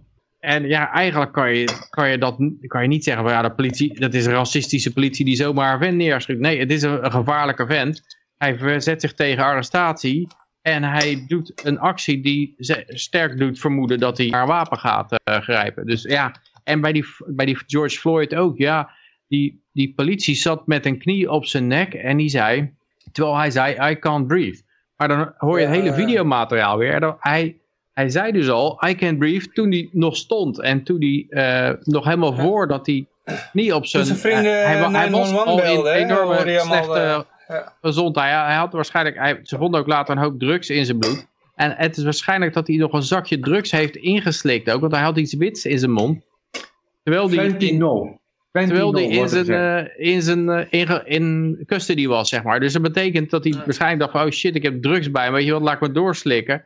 En dan, krijgt, en dan, dan gaat hij dood. Maar dan is het omdat hij, eh, dan is het zogenaamd omdat die politie dat gedaan heeft. Maar waarschijnlijk was hij anders ook wel dood gegaan. Want dat had gekund, zeg maar. Dus het is inderdaad gevaarlijk om corona, conclusies, eh, te- Ja, en- snel tot conclusies te, te komen. Ja. Het komt wel snel op televisie en ook mensen trekken er snel conclusies uit. En eh, ja, in, in dit geval eh, gaat mensen ook gewoon snel de straat op. En denken ze rechten te kunnen hebben om, om dingen in de fik te gaan zetten. Dat is natuurlijk wel eh, iets triests, heeft dat. Ja, en je ziet het nou uit de hand lopen. hè, Want er is nou zo'n plaatsje in Wisconsin waar dat gebeurd is. En ja, er zijn er nou al twee overhoop geschoten. Want, die, want veel van die BLM'ers die gingen ook die, die, die buitenwijken in, zeg maar. De suburbs in. En die hebben natuurlijk ook gezien wat er gebeurd is met alles in de fik sto- stoken. En, eh, en er stond ook mooi, er stond zo'n kerk. Die was ook in de fik gestoken. Er stond nog zo'n bord voor Black Lives Matter. Want dat, die hadden ze er neergezet van... eh, en dat is ook wat ik nou in mijn achtergrondsplaatje heb. Ik weet niet hoe je dat ziet, maar... dat- Er staat zo Black Lives Oh. Matter. Dat is die, die film They Live. Ja, dan, dat, dat, dat is- heeft die, de hoofdpersoon vindt zo'n bril. En als je die bril op of afzet, dan zie je wat anders. Dus hij, hij heeft die bril op, staat Black Lives Matter. En dan, als, als hij hem af heeft, en als hij hem opzet, dan staat er... Please don't burn our store. dus dat is, dat is dan de werkelijke message van de corporate... eh, Hoe heet die? eh, de film? Ja? They Live. They live. They live. Oh, eh, dat je die nog niet gezien hebt. Dat oude, Maar ehm, oude film, ook staat- heel, liber, heel libertarische inslag heeft het. Dat is heel Op interessant. Netflix? Nee, dat staat hij niet meer, denk ik. Nee. ja, Pirate Bay. Maar ehm, ik zie, eh, je, hoe dat, eh, Jos, ik zie het een en ander in de chat is geschreven. Oh, oh, nou, ik zal eens lezen Dan moet hij drie dingen tegelijk doen. Dan moet hij eten en praten en de chat lezen. Ik had me even gemute. Eh, er wordt hier door Rick er is iets, wordt er iets aangehaald. Dat weet ik niet waar het over gaat. Hij zegt, daar heb ik mij ook zo over verbaasd. Met die twee militairen die omgekomen waren bij een helikopterongeluk. Dan ineens zijn twee doden ontzettend belangrijk. Maar Ja, dit, niet. ja, had ik wel opgevallen inderdaad. De, de- een hele ceremonie omdat er twee militairen waren omgekomen. Als, het, als er een paar burgers omkomen is dat op, eh, op zich wat, eh, wat minder belangrijk. Hij zegt ook dat in de supermarkten niet meer aan handhaving gedaan wordt. Dat is inderdaad, in Nederland is dat eigenlijk nog is het eh, best wel relaxed. Ik was in Oekraïne en daar doet iedereen zijn mondkapje op voordat hij de winkel ingaat. En ja, daar zie je wel dat er ook mee gesmokkeld wordt. Dat mensen hem zeg maar beneden hun neus doen. Omdat het gewoon wat prettiger ademt allemaal. Dus eh er wordt, eh, ja, het is ook niet Dat je in helemaal... Italië land ook wel, inderdaad. En ook in het vliegtuig, helaas. Ook een of andere miep die zichzelf echt geweldig vond. Het is dan een manier om stiekem, of om aan net voldoende te voldoen aan de regels, zonder er negatieve consequenties van te krijgen. Ja, zonder... eh, heb, je mijn, eh, heb je mijn mondkapje al gezien? Oh ja, ja die van. Gaas. Ja, Ja, ja, die zag ik op dit- Facebook volgens mij. Dit is dus ook gewoon mijn oplossing om toch maar geen gezeik te krijgen. maar die is... Maar dan toch wel- je- Met de uiten dat ik het mee, niet mee eens ben. Nou, dat is ook weer waar. Ik heb het niet... eh, Maar, Maar ik heb- Yoshi, ik ik, heb heb jou een alternatief gestuurd. Hè? Ik heb jou een pa plaatje gestuurd van een, eh, van een alternatief mondkapje. Op de Ja, chat, een tijd geleden. Ik heb gewoon zijn eh, dingen. Kijk, ik zal het even, ik zal even bekennen ook naar jullie toe. Ik heb nou sinds deze week heb ik er ook deze. Want eh, ja, dat is mijn, mijn, mijn gevecht voer ik op het internet, zeg ik dan altijd maar. Ik zit hier bij Liberland en ik eh, dingen aan mijn kop dat ik op, in een supermarkt ga lopen zeiken over een winkel, over een mondkapje. En kan je zeggen, sinds dat ik die instel heb, heb ik zoveel rust in mijn hoofd dat ik gewoon dat mondkapje bijvoorbeeld, denk, maakt mij niet uit dat ik een mondkapje voor moet doen. Maar het is-. Voelt wel een beetje alsof je de oorlog verloren hebt. Maar ik heb dus, dit is, één, dit is voor mij één veldslag. En dan, weet je wel, dan op een andere level, dan vecht ik dubbel zo hard. Dus Ja, het Ik is vind het je wel over- mooi hoe je dat zegt inderdaad. Van het voelt een beetje alsof je ja, verloren hebt. Ehm, kijk, het went uiteindelijk wel gewoon als je dat ding opdoet, in de, ook in de supermarkt. Ehm, maar ja, Ik vind het nog steeds vervelend hoor. Dat, eh dat ik ja, altijd blij als ik hem weer af heb. geen last van. Alleen als je een heuveltje opgaat in eh 30 graden, dan eh, wordt het wel een beetje, kun je je eigen adem drinken op een gegeven moment. kijk, ik, vond het, ik vind het dus, als we dit mondkapje gaan overwinnen, dan kunnen we op een gegeven moment ook gewoon weer vloeistof meenemen in het vliegtuig. Want dat is uiteindelijk, is dat, zijn, dat is allemaal dezelfde bullshit regels die, die, die op die manier worden ingesteld. En ja, weet je wel, dus ja, dat mondkapje, je kan er la- voor mij is de enige eh, wanneer ik het nodig heb, is als ik dus geld uit wil geven. Dus ja, ik geef veel minder geld uit en ik draag zo meer mogelijk een mondkapje. En dan denk ik, nou ja, dan maak ik ook een soort van winst. Want alles wat ik niet uitgeef, daar hou ik in crypto. En dan ben ik over een paar jaar weer blij mee. Dus. Yoshi, kan je, kan je niet een mondkapje maken van zo'n geldbiljet? Nee, maar als ik Ja, dus een mondkapje maar- zou maken, dan wordt het met de Liberland vlag. En dan loop ik hier overal met de Liberland vlag. Ja, maar dat is ook zo'n Oké. puntje met contant geld. Ik, ja, ik heb er een hekel aan dat, het, dat steeds meer contant geld afgeschaft wordt. En die, en die corona shit, dat is ook weer een enorme truc om contant geld de nek om te draaien. Want eh, ja, er zitten allemaal eh, virussen aan. eh. ja, ja, dus ja, is er zo'n groenteboer waar- waarbij die zegt, nee, we doen niet meer contant geld. Dus ik laat gewoon alles staan gelijk over, kijk het dan maar. Maar eigenlijk moet je daar, om die strijd dan te voeren, moet je daar regelmatig terugkomen en zeggen, en doe je nog steeds geen contant geld? Nee, oké, dan ben ik, moet je ze even aan herinneren dat, je, dat ze een klant mislopen, omdat ze niet aan contant geld doen. Eh, alleen, ja, elke keer een hele uiteindelijk winkelmand verlies je vol. die strijd altijd, geloof ik. eh, heb ik het idee. Nou, hier in Nou. Katwijk, eh, daar gaat het gewoon nog met cash. En eh, dat is geen enkel probleem. Er ligt hooguit ligt er een schoteltje dan naast de kassa. Dan moet je daar je cash op leggen. Hm. Maar er zijn, daar zijn gewoon echt nog te veel mensen die zeggen van ja, we gaan niet pinnen, we doen het alleen via cash. Ja. En hier Ja, is het, mooi. graag of niet. Mooi. Maar bij ons heb je ook nog wel, de supermarkten doen het ook eh, contant. Maar die groenteboer, die is op een of andere manier, eh, is die eh, helemaal eh, eh, cashloos gegaan. En eigenlijk wil je dat een beetje corrigeren. Zodat je, want, want er zijn natuurlijk heel veel mensen, die, die zal het allemaal op borst wezen, die betalen wel allemaal plastic. Maar het is wel allemaal track and trace. En als ze je bankrekening uitzetten, dan, dan ben, ben je, ben je uitge, uitgeluld. En, en dat is natuurlijk de hele truc daarvan, dat, dat je steeds verder onder controle wordt gebracht. En daar heb ik altijd het idee van, ja, moet ik eigenlijk af en toe naar die groenteboer terugvra- terug, teruggaan en zeggen, ja, ik zou graag ontzettend veel groente bij jou willen kopen, maar eh, doe je nog steeds aan die, eh, aan die geen, eh, geen cashpolitiek? Ja, oh nou ja, dan, dan ga ik toch maar weer naar de concurrent toe. Peter, zeg dat tegen hem. Johan. Er is ook een i-gulden, zeg je dan. Dan zeg je, Peter, zeg je, Ja. je hebt ook nog een i-gulden. Bitcoin Cash. Dat is helemaal hoog gegrepen. Ik heb dat bij mijn lokale Griekse restaurant wel eens geprobeerd om daar wat eh, crypto aan te bevelen. Dat kwam niet aan. eh. Ik wil nog een keer een... eh. Ik ga hier binnenkort ga ik met de eerste winkels in mijn dorp hier. Ja, ik noem het altijd het dorp. De mensen hier zeggen altijd dat het een stad is. Maar als je uit Nederland komt, dan valt het allemaal wel mee. Maar eh, eh, ik ga hier binnenkort de eerste winkeltjes op de i-gulden zetten. En dan, eh, ik- dan ga ik dit jaar nog voor elkaar krijgen. Oké. En dan ja, ga ik even de lokale media. Ik ben bezig met wat sponsoringetjes en zo. Nou, dan kan ik gewoon. eh, ja, Ja. kijk, ik, weet je, dit is ook allemaal weer incentive. Hè? Hoeveel, hoeveel moeite wil je erin steken? Want ik ben daar uren mee bezig en ik ga inderdaad tientallen keren bij zo'n winkel eten. En dan na tien keer. eh, Of, of dingen kopen. En dan na tien keer zeg ik eens een keer, weet je wel, dan praten we een beetje. En dan noem ik eens zo'n bitcoin. En nou, ik woon hier nou twee jaar en dan had ik eerder had ik het niet voor elkaar gekregen. Want je moet een beetje vertrouwen winnen bij de mensen. Ja. Maar we hebben nog een hele berg berichten. Mhm. En eh, ja, het is eh, binnen no time is het eh, 12 uur. Dus eh, Maar ik moet nog even zeggen dat, het- dat dat oude bericht van Rutte, dat gaat helemaal over de geweldige, gewelddadige demonstranten. Die, eh, het OM heeft beelden gezien waarop agressieve demonstranten de politie belagen. Dus de, de politie is eigenlijk de, zeg maar de, de onderdrukte, zielige tobbers zijn het eigenlijk. Die door, de, door die vreselijke, agressieve demonstranten gewoon... eh, dus je, je moet partij kiezen voor de, voor de zwakkeren. En dat zijn in dit geval Ja. de politie. ja. ja, was het een beetje de, de, de- die zielige Spanjaarden die, die, die zomaar door die Nederlanders aangevallen werden in 1500 zoveel. Snap je het verband?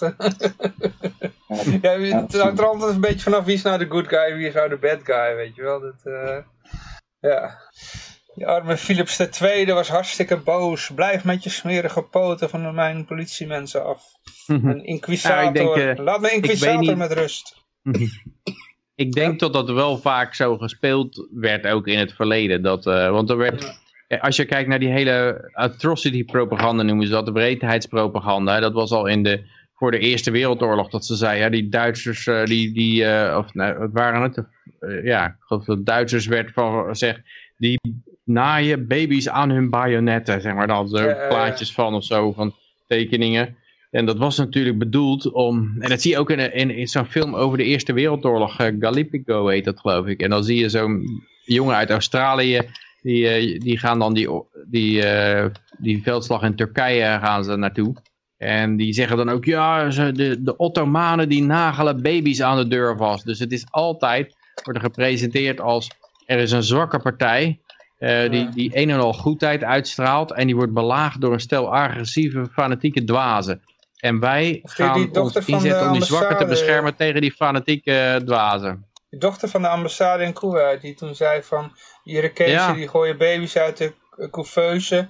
Eh, ze zat te huilen daar bij de VN, weet je wel. En met een bajonet slaan ze dan die schedels kapot. en eh Amerikaan moet ingrijpen. En dan bleek het allemaal uit de duim gezogen te zijn. Maar ja, Dus ja, het is, het is inderdaad altijd hetzelfde verhaal om, je- om je woede te kietelen, zeg maar. Om je woede naar voren te brengen waarop, waarop jij je verstand uitschakelt. En dan je toestemming geeft om er hard op in te slaan op die eh, partij. En aan de andere kant doen ze precies hetzelfde. Dus eh, daar, daar zijn ze ook altijd... eh, ik bedoel, wij zeggen van, ja, die smerige Poetin, die, is, die, die schiet onze vliegtuigen uit de lucht en zo. En aan de andere kant zeggen ze, ja, die NATO-troepen, die, die, nadat Napoleon en Hitler hier de, ons kwamen binnen, bij ons kwamen binnenvallen en onze mensen kwamen vermoorden met, en veroveren ons land, staan de NATO-troepen weer aan de grens. Dus ook daar denken ze, hun bevolking, van oh ja, verrek, eh, daar komen ze weer, die, die, die, die, die maloten uit het westen met hun legers om ons plat te walsen. Het is weer zover. De derde keer. En dus het is altijd hetzelfde, het pro- propaganda is hetzelfde verhaal inderdaad altijd. Ja. ja, en de demonstratie tegen coronaregels op het Malieveld is rustig verlopen. Jurjen had nog een kratje bier Ah, eh, erop gezet, hè? Wetenschap. Ja, verloren heeft hij dat. We dachten allemaal, ja, man, Eigenlijk drie moet- uur gaan ze matten daar. Maar, eh, ja, wat wil je zeggen, Jurjen? Nee, het was mij. Ik was aan het. Aan het eh, ik, was, ik was iets aan het zeggen. De- dit weekend is er in Duitsland een eh coronademonstratie verboden. Oh, oké. Eh, maar dat heeft, dat heeft alleen maar voor gezorgd dat volgens mij mensen nu nog liever eh, toereizen. Dus ik ben heel erg benieuwd hoe dat verloopt. Maar dit was, dit was een mooie, inderdaad, dit, over propaganda inderdaad. Dit artikel op eh, Metro Nieuws. Die had dan een, een plaatje van een, ja, wat is het? Een, een, ah, iemand met een aluminium eh, heel hebben en houden en een aluminium mondkapje had. ja, met een gat erin en een aluminium sigaret eruit. Ja. En ook een aluminium hoedje op. eh. Een aluminium hoedje, ja. En, en zo worden dan via dat soort plaatjes en berichten de mening gegeven van iedereen die daar aanwezig is, die, eh, die spoort niet, weet je wel. Maar ja, goed. Ja, want dat, dat dat, echt eh, heel goed. Want op mijn eh, normale Twitter-tijdlijn heb ik eh, even alle gekkies zeg maar even weggehaald. En alleen maar mensen die zichzelf ontzettend serieus en ontzettend vinden, zichzelf vinden deugen. Maar die, kijken, die zien die foto en die denken echt inderdaad van, oh die hele groep is gewoon zo. En eh, dat, die, die, dat is heel krachtig. Dat soort Ja, want- foto's in de media. Absoluut, ja. Want het is zo dat mensen, hun brein is, je brein is gebouwd op het generaliseren van één voorbeeld naar een principe toe. Want met een principe, waar, daar kan je mee overleven, daar kan je voorspellingen mee doen. Dus als jij, als jij ontdekt van, hé, hey, er zwemt een zalm in die rivier in eh, oktober, dan dat, op zich heb je daar niks aan. Dat was één zalm in een rivier op 1 oktober, maar het principe, de zalm komt elke oktober eh, deze rivier opzwemmen, daar kan je elk jaar je voordeel mee doen. En eh, dan heb je weer voor twee maanden te eten, zeg maar. Dus het brein is erop gebouwd om principes te vinden. Om, om vanuit enkele voorbeelden en enkele gebeurtenissen, om daar een algemeen principe en een regel uit af te leiden. Om die regel, daar kan je in de toekomst voorspellingen mee doen en, en je toekomst mee plannen, zeg maar. En daarom, als het brein eens een voorbeeld ziet van zo'n gekje, dan generali- generaliseert dit gelijk naar een hele grote groep toe. En ik, ik, ik zat ook een beetje eronder te discussiëren onder die metro-nieuws toestanden. En dan zie je inderdaad hoe goed dat werkt. Dat die mensen die zeggen, nou ja, ze staan er toch vrijwillig. En die, en die anderen zeiden er niks van, zeiden ze ook. Dat weten ze helemaal niet eens, natuurlijk, want ze waren er niet. Dus ze weten niet of die anderen niks tegen hem gezegd hebben. Maar het is ook nog eens het zo van... Ja, dat is eigenlijk hetzelfde eh, verhaal als ze altijd bij, bij moslims hebben. Als er een keer een moslimterrorist is, zeggen ze van... Nou kijk, dus een moslim die blaast zichzelf op. Kortom, eh, al die moslims zijn terroristen. En eh, ja, anders hadden die anderen er maar wat voor moeten zeggen van, tegen die ene moslim. en, Ja. en die, als die daar niks van zeggen. En, en, het, en het is natuurlijk zo dat de media, die is er zo opgebouwd dat dat soort generalisaties moet per se niet gedaan worden. Je mag nooit zeggen van, oh, alle Marokkanen zijn dieven of zo. Of alle, eh, eh, eh, alle moslims zijn terroristen. Maar je moet wel zeggen, alle demonstranten zijn gekkies vanwege deze foto. Dat, dat, dat wordt goedgekeurd. En dat zag je bij die mensen onder die thread ook, bij, bij dit artikel. Dat ze inderdaad gewoon heel erg gehoorzamen aan de media. De media wijst de richting uit van hier, in dit geval hup, moet je generaliseren. Van één voorbeeld, eh, dit zijn allemaal gekjes.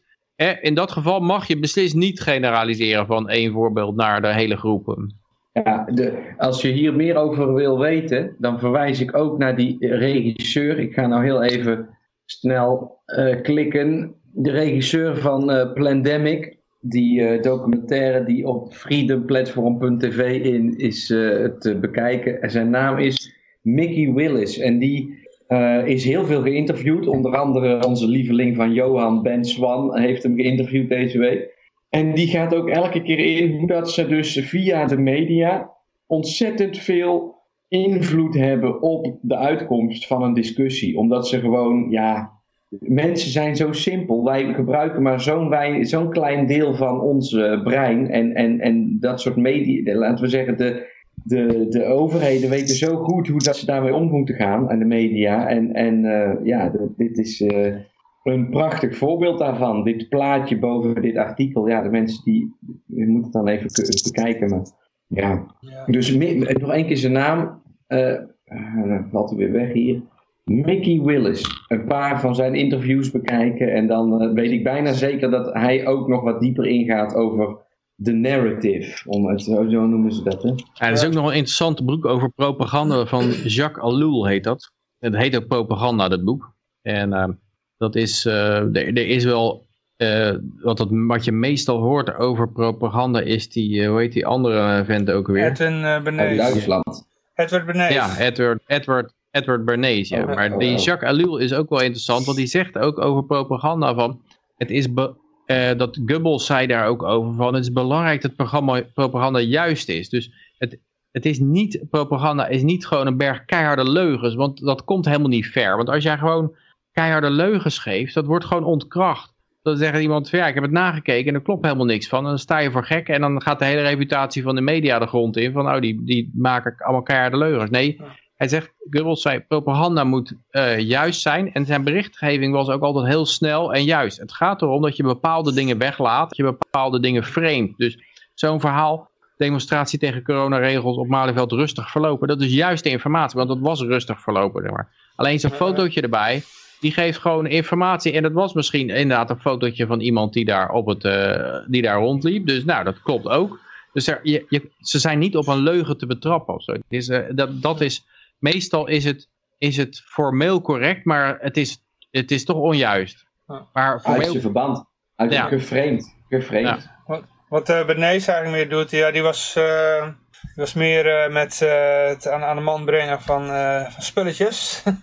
Dan was er bijvoorbeeld een, er kwam bijvoorbeeld Lucky Strikes, een bekend verhaal, die kwam naar, naar Bernays toe en die zei, ja, we hebben een pakje en die is groen van, to, toen was Lucky Strike nog groen, het pakje. En het, het, valt bij de, het valt niet zo op bij de, in de sigarettenzaak. Want die kleur die uh, komt een beetje naar de achtergrond. En mensen kiezen liever voor camel, wat geel is. Of dat valt meer op. Dus kun je ons helpen? Toen zei hij, nou weet je wat. We veranderen niks aan de kleur groen. Hij ging allemaal mensen uit de mode opbellen. En uit, uh, ja, uit, ja, de mode vooral. En hij, die zei van, ja, ik, ik heb toevallig een tip gehoord dat groen gaat het worden. Dat wordt de modekleur. Van, dat heb ik bij de concurrent gehoord. Dus die ging... Uh, volgens alle kleding werd groen, alles werd groen. Groen werd de modekleur. En toen werden de pakjes sigaretten het jaar daarop uh, beter verkocht van Lucky Strike. Dus dat was meer een dingetje wat dan Bernays deed. Weet ah, wel? hij, is ook, hij is ook heel... Huh? Hij is ook beroemd geworden omdat ze, hij zei van ja, er zijn de helft van de bevolking rookt eigenlijk niet. Dat zijn vrouwen die Ja, roken ja, niet. En toen had hij een aantal modellen ingehuurd. En die gingen voor op een parade lopen met eh, al rokend. En dat werd een beetje een eh, schandaaltje. Want de vrouwen hoorden niet te roken. en toen had hij gelijk een, Freedom, hij had er Torches of Freedom Ja, ja. inderdaad. Dat was het verhaal. Dat werd in de kranten gezegd. Want die had hij dan kennelijk ook wel een mannetje die dat, eh, die dat kon schrijven.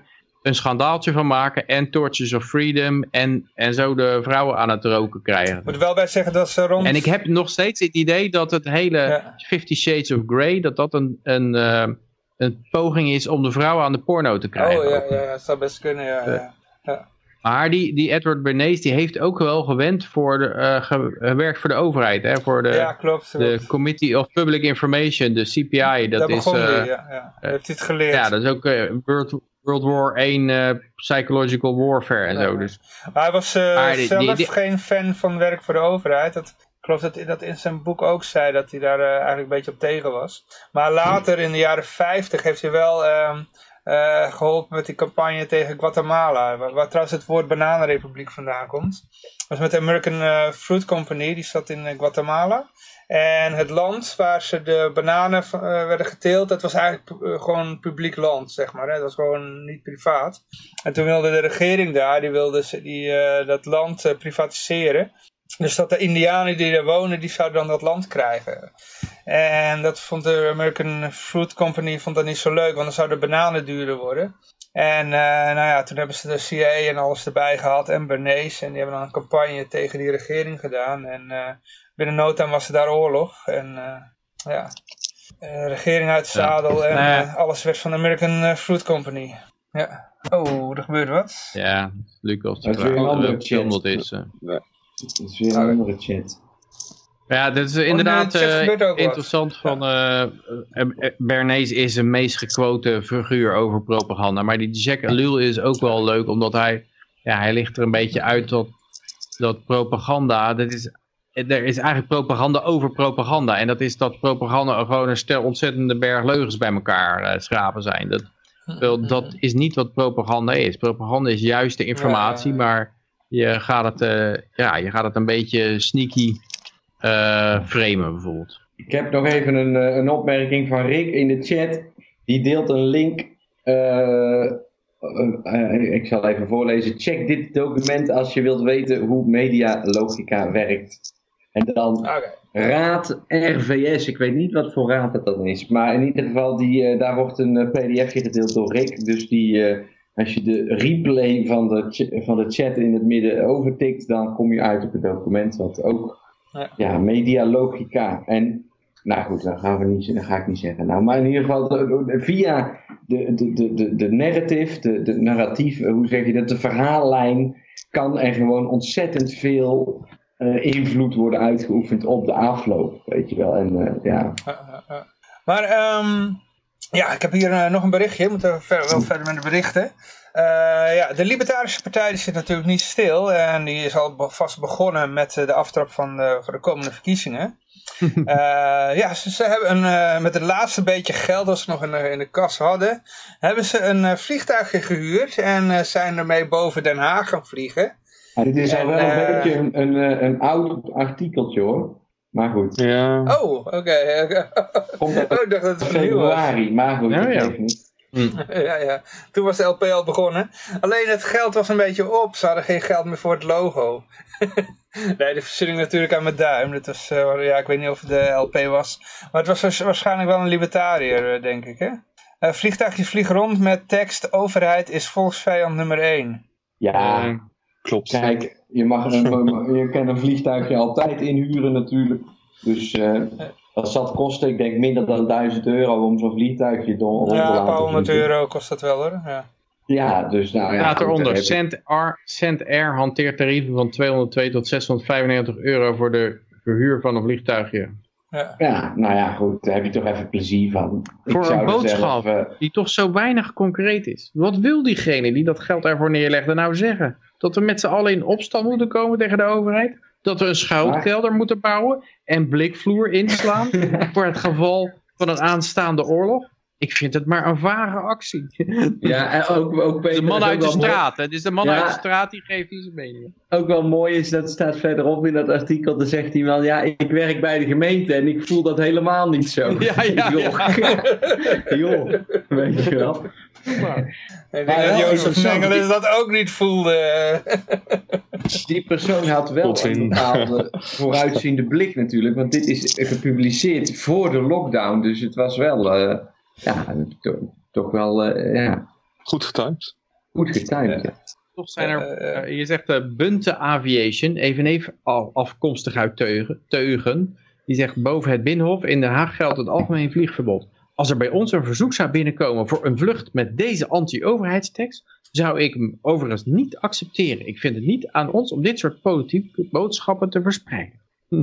Ja, en de volgende keer dan vliegt hij rond met een vliegtuigje stem. Black Lives Matter of zoiets. Ja, bijvoorbeeld.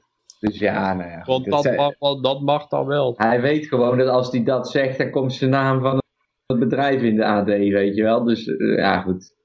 Ja, wat ook wel leuk is, deze actie zegt mij helemaal niets, verklaart een woordvoerder van Extinction Rebellion. dus eh, ja, dat is ook typisch een club die gewoon bij alles naar de overheid rent om om een wet te vragen. ja. We zijn Ja. wel kritisch op de overheid, omdat ze ons niet elke wet geven waar we om vragen. Maar wanneer wij actie voeren, zorgen we er altijd voor dat we herkenbaar zijn. Anonieme actie voeren, voeren daar doen we niet aan. Ja, er is ook nog een man aan die zegt... een voeren natuurlijk ook alleen maar actie Extinction Rebellion. We voeren eigenlijk alleen maar actie voor meer overheidsingrijpen. Net zoals eh, al, al die milieubewegingen. Ja, ja. Dus dan hoef je ook, dan kan je gerust anoniem zijn. Dan hoef je, je loopt geen enkel risico, eh, want je hebt de overheid toch aan je kant. Ja, ja het is eh, Ja. An- Antifa Light. Antifa Light, hè, zo'n Extinction Rebellion. ja. Ja, eigenlijk wel, ja. Ja, ik hoorde laatst ook iemand eh, erover of een, zeggen van die, die clubs als Extinction Rebellion, van die linkse clubs, die voeren eigenlijk altijd actie met een soort, eh, een soort zelfmoordachtig eh, idee. Dus ze ketenen zich vast aan treinrails of aan, aan poorten of ze gaan op de weg liggen of eh, ze doen altijd moet- iets, eh, iets eh, zelfmoorderigs, zeg maar. Je, moet- je moet natuurlijk lijden, hè, want je hebt een schuld. Dus eh, Ja. je moet... je moet Ja, maar ze, ze, ze willen natuurlijk ook de hele groot gedeelte van de bevolking dood hebben. Want eh, de, de mensheid is een plaag voor deze aarde. Dat is eigenlijk hun insteek. En eigenlijk zou de aarde veel eh, gelukkiger zijn als er geen mensen op zaten. Dan zou, je die, zou die aarde gewoon een big smiley zijn. En eh, ja, dus het is opvallend dat ze... Ja, daar valt daar in zekere zin iets voor te zeggen natuurlijk. Maar ja, op zich de- denk ik, de aarde heeft geen gevoelens, de planeet. Dus de- ja, die maken die uit of er nou... Nee, maar eh, er is wel een bepaalde balans. Er is wel een bepaalde balans. En, en, en ik, blijf, ik vind wel dat de mens op dit moment die balans ontzettend uit zijn evenwicht trekt. Dat is dan mijn. eh, ja, Ja, we- wij zover ik weet is het nog altijd... Wij leven is op het- deze zover ik planeet. weet, zover ik weet leven organismen nog altijd eh, van andermans afval. eh. zo gaat het in de natuur, toch? Ja, ik denk dat er gewoon een natuurlijke, er zit een natuurlijke terugkoppeling in. Ze hebben zo'n experiment gedaan met Universe 25 heet dat, een muizenparadijs. Waar dat muizenparadijs, eh, die hebben ze gewoon voldoende te eten en drinken. Deze vier koppels in of zo. En er, er, dan zag je de, de muizenbevolking groeien eerst heel hard. En dan op een gegeven moment vlakt het af. En dan krijg je een punt waarin eh, die muizen agressief worden. De vrouwtjes ook zelfs zo agressief dat ze hun eigen nageslacht opeten. Vaak kunnen ze zwangerschap niet meer afmaken. Of, eh, of voldoende zorgtaken op zich nemen om, de, om het eh, kroost volwassen te maken. En er zijn een aantal mannetjes die zich helemaal nergens meer mee bemoeien. Dus die, je hebt een aantal mannetjes die zijn agressief, maar je hebt ook een aantal mannetjes die zitten gewoon... Ik doe alleen maar eten, slepen, slapen en mijn vachten poetsen. En eh, dat noemen ze de mooie mannetjes.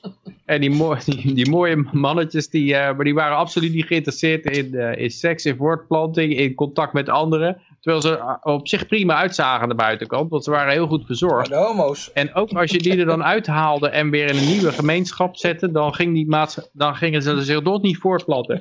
En wat er gebeurde eigenlijk, is dat die hele muizengemeenschap, die storf altijd uit. En dat hebben ze een aantal keer herhaald. Dus altijd groei, afvlakken, boom, collapse. En die collapse die valt gewoon niet tegen te houden.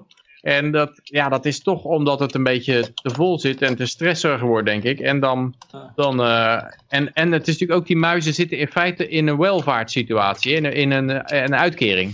Want ze krijgen voldoende eten en ze krijgen vo- voldoende drinken. Er is geen eh, risico van buitenaf. ja, er is geen risico van prooidieren. En ze hebben, maar ze hebben niks om ervoor te doen, zeg maar. Ze werken er niet zelf voor. Dus ze zitten eigenlijk op een uitkering. En dan zie je zo'n hele, zo'n hele muizenmaatschappij gegarandeerd de, de vernieling indraaien. Ja. En ja, dat. Net als Ja. mensen. ik denk dat dat... eh, wordt natuurlijk gezegd dat het bij mensen niet zo is, want die, hebben allemaal, eh, die zijn allemaal veel beter eh, mentaal. Maar ik heb toch altijd het idee van, nou, als ik eens naar Japan kijk, dan zie ik daar een heleboel mannen die heel erg verzorgd zijn. Eh, totaal niet geïnteresseerd in seks. Die worden de grass-eating men genoemd. En de, en de geboorteaantallen die pleuren helemaal omlaag. En dan denk ik, oké, ja, misschien eh, zit er toch wat overeenkomst in tussen de, de muis. eh, De Universe 25 heet het experiment. En eh, ja, ja, je ziet het niet alleen bij Japan. Je ziet bij een heleboel landen zie je geboorteaantallen heel erg dalen. Ik denk dat de onderbevolking op een gegeven moment een groter probleem wordt dan overbevolking. Ook omdat iedereen zich voorbe- voorbereidt op overbevolking nou.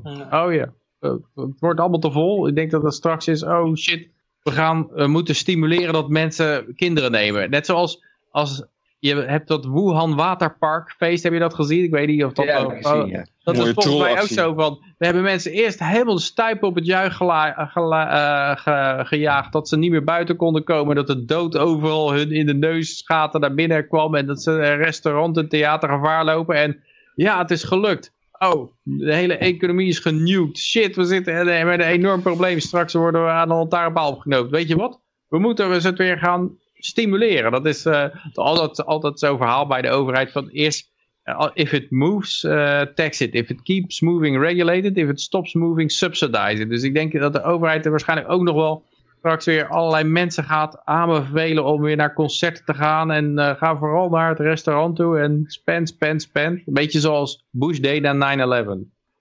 Koop een eh, Die, eh, auto, dat, koop een die huis. zwembad, dat zwembad, Ja, Lucas. Lucas. dat zwembadfeest, dat is volgens mij ook wel een beetje een... Als dat al eh, recent plaatsvond, is het volgens mij ook meer een soort van trollactie richting het westen van kijk, hier, wij hebben het wel weer voor elkaar. Ja, ze hebben er, de Chinese regering heeft erop gereageerd op de kritiek die erop kwam. eh. En eh, ja, het zou, zou, zou goed kunnen. Maar ik kan me voorstellen dat er ook weer een soort beginpunt moet zijn. De overheid zet het allemaal stil, maar ze moeten het ook weer aan de gang zetten. En ik denk dat ze zitten nu allemaal met verbod dit, verbod dat. Ik denk als ze het helemaal vrij zouden laten, dan zouden mensen nog steeds niet eh, uitgaan en nog steeds bang zijn en, en de deur niet uitgaan. En dan, dan, daar komen ze een keer achter en dan denken ze, ja, nou moeten we ze weer een zetje gaan geven. Dus ik denk dat dat wel, dat het uiteindelijk wel weer gaat gebeuren. Ik zou dus zelf nooit naar zo'n zwembadfeest gaan. Het lijkt me zo smerig. Ja, maar gewoon omdat het zoals- feestje niet leuk lijkt. Nee, nee, het was... Het zal er best gezellige muziek gedraaid worden, maar je gaat, eh, als je ziet hoe vol zo'n zwembad is, jongen, nou, dan, Hm. eh, nee, dat is niks voor mij. Die plassen ook allemaal in het water, hè? Ja, precies, van- daarom. Ja, we zaten allemaal in bootjes, weet- we zaten allemaal in weet wat ze nog meer in dat water doen. Ja. Want je kan niet, eh, weet je wel, er zitten ze allemaal in van die grote zwembanden. Dus daar zie je net niet wat daar onder die zwembad gebeurt. Dus wie, weet- wie weet hoeveel, eh, dan krijg je allemaal van dat kikkerdrill wat daar Zoals de eh, waard is, vertrouwt hij zijn gasten. Ja, nou, maar dat bedoel ik. Maar goed, de eikels die vallen door de warmte eh, weer drie weken eerder dan 50 jaar geleden. ja.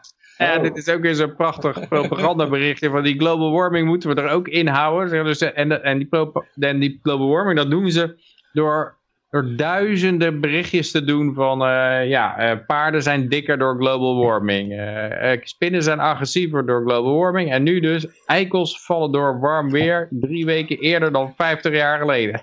De overheid die zit er nog. ja, die valt me niet. die eikels blijven zitten. Sommige eikels die vallen nooit, lijkt het wel. Ja.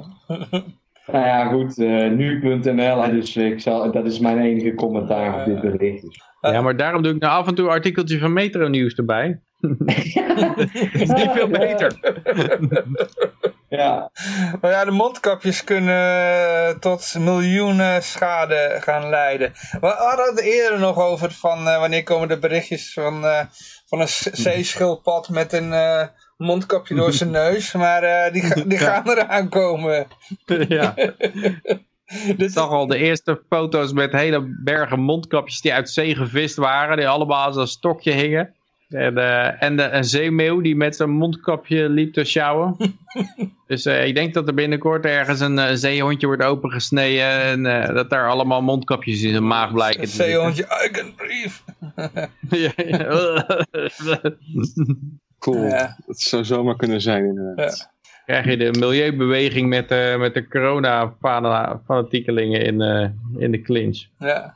Maar dit gaat dan om de, de, de waterzuiveringinstallaties. Die, eh, die zouden dan in de problemen komen door al de mondkapjes en het rioolwater. Ja. En dan vraag ik me af Ja, mensen gooien ze, gooien ze gewoon weg over het algemeen, hè? Ja, maar ik bedoel, er, er zitten toch al stukken plastic daarin, dat riool. En dan, ja, dan in één keer een mondkapje over. Dan denk je, shit, nou, nou loopt de hele pomp vast. Weet je wel, van alles wat van McDonald's op de vloer gooien, nee, dat, dat, kan, die, dat kan die waterpomp wel hebben. Maar, eh, of de waterzuiveringsinstallatie. ja is ook nou, zo, alles ook zo. van de McDonald's is het allemaal eh, eh, biologisch afbreekbaar hè, tegenwoordig. Ah, Oké. Biologisch Maar- afbreekbare mondkapjes? Nee, van McDonald's eh verpakkingen. Eten. Dat gaan we krijgen. Ja, we gaan... nee, de Dat eten niet. ook. Nee, eten niet. Nee, Jongens. De geschiedenis Maar- hebben ze eten biologisch afbreekbaar gemaakt. de verpakkingen wel. Ik weet al wat er gaat gebeuren. We gaan biologisch afbreekbare mondkapjes krijgen. En die gaan verplicht worden. Ja, En je krijgt een boete van 400 euro als je er eentje op hebt die niet biologisch afbreekbaar is. Let op mijn woorden. 400 euro, dat lijkt me nou weer een beetje te weinig. Ja, het, het is toch al 399. Dus eh, in, in- inclusief administratiekosten. als je ze verkoopt dan wordt het, eh, dan wordt het 80.000, Peter. Eh, Ja, Dat is toch ergens 80.000 boete. Als je iets Ja. met, iets, ook iets met corona hebt, 80.000 boete. Ik weet niet precies wat het was. Ja, was in Australië denk ik of zo. Australië zijn ze helemaal Nee. doorgeslagen. Ik dacht in Nederland, iets, iets in Nederland waar je 80.000 euro boete voor kon krijgen. Met, met oh iets ja, met, ja. De, quar- de quarantaine overtreden geloof ik. Ja? Ah, nou ja, oké. In ieder geval was dat echt een bedrag. Er was een nou ja, hoogleraar die dat voorstelde. Wat schiet de maatschappij ermee op als je iemand 80.000 euro boete oplegt? Dan kan hij meteen in de schuldsanering Ja, en dan eh, kun je als hele maatschappij kun je die boete gaan betalen. Ja, er zitten drie jaar aan de uitkering en eh, ja. Ja, de mondkapjes. Ach ja, het is, het is wachten op de schildpad, hè, was het volgens jou, Peter. De eerste schildpad Ja. die eh, stikt door een mondkapje. mag ook Dus, een ander eh, beest zijn. Ik heb de meeuw. Een meeuw had ik al gevonden, maar die schijnen niet eh, zielig genoeg te zijn. Dus we wachten op een schildpad waarvan het schild zo in het mondkapje is eh Ja, ja, ja. En dan ook nog zo'n rietje erbij. En dan kijken of ze zitten te zeuren over het rietje of over het mondkapje. ja, ja, ja. Ja, het is wel mooi. Ik zag ook laatst staan, ja, zo, zag je zo'n enorme zooi van die mondkapjes overal. En, en hij was in, in eh, Californië, er was een heleboel plastic lag er ook allemaal. Het, het hebben- ja, toch wel fijn dat we die, eh, dat we die rietjes verboden hebben. Plastic rietjes. Ja. Eh. Maar dat kwam allemaal door die schildpad met het plastic rietje. Dus dat was de hele, de hele start zijn. Dus het is toch een schildpad, denk ik. Ja. Ja, een, een olifant met een mondkapje, dat maakt niet veel, dat, daar zal die niet veel last van hebben. Hij moet een beest Nee. zijn dat in zee leeft. Ja. Nou ja. Maar, Nou ja, ik denk wel dat door deze hele politieke, eh, politieke heisa die er aan de hand is, dat er inderdaad nu komen natuurlijk overal mondkapjes in het milieu terecht. Want ja, niemand die in het Westen ooit eerder een mondkapje voor heeft gedaan, maar nou moeten we eraan. In Nederland nog ietsjes minder dan in de rest van Europa, maar ja, dat gaat natuurlijk ook eh, voor een hoop uh, rotzooi zorgen. Ik weet niet of je die filmpjes gezien hebt, dat ze, dat ze die mondkapjes aan het maken zijn in zo'n eh, sweatshop ergens in Turkije of zo, weet ik is. Bangladesh. Hebben die een mondkapje op? Nee, dan maken ze die mondkapjes. Ik weet het niet. Ik denk niet dat ze zelf een mondkapje hebben, joh. Wordt ook Gewoon Bangladesh de corona uit te ademen over die mondkapjes dus. Ah joh, die cor- corona, corona uitademen, daar geloof ik aan. En al zou je het inademen, dan nog, dan, dat maakt helemaal niemand wat uit.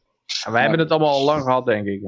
Nou, ik probeer in ieder geval zoveel mogelijk vrouwen te vinden waar ik het van kan krijgen, Peter. ja, ja. Er wordt van alles in de chat geschreven. Oh nee toch, ja, ik lees af en toe die artikelen ook nog, hè. Rick weer, ach, Rick weer met zijn berichten.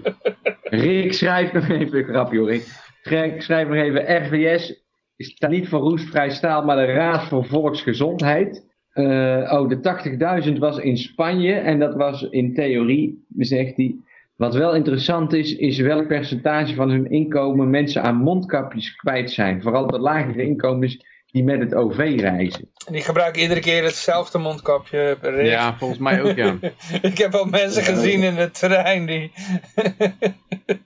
Bruine mondkapjes, bruine plek daar. Hij was oorspronkelijk ooit blauw, dat zie je nog in de uithoeken en de rest is een andere kleur. Ach, godverdamme. Ja, ja, ja, van die sigaarrokers.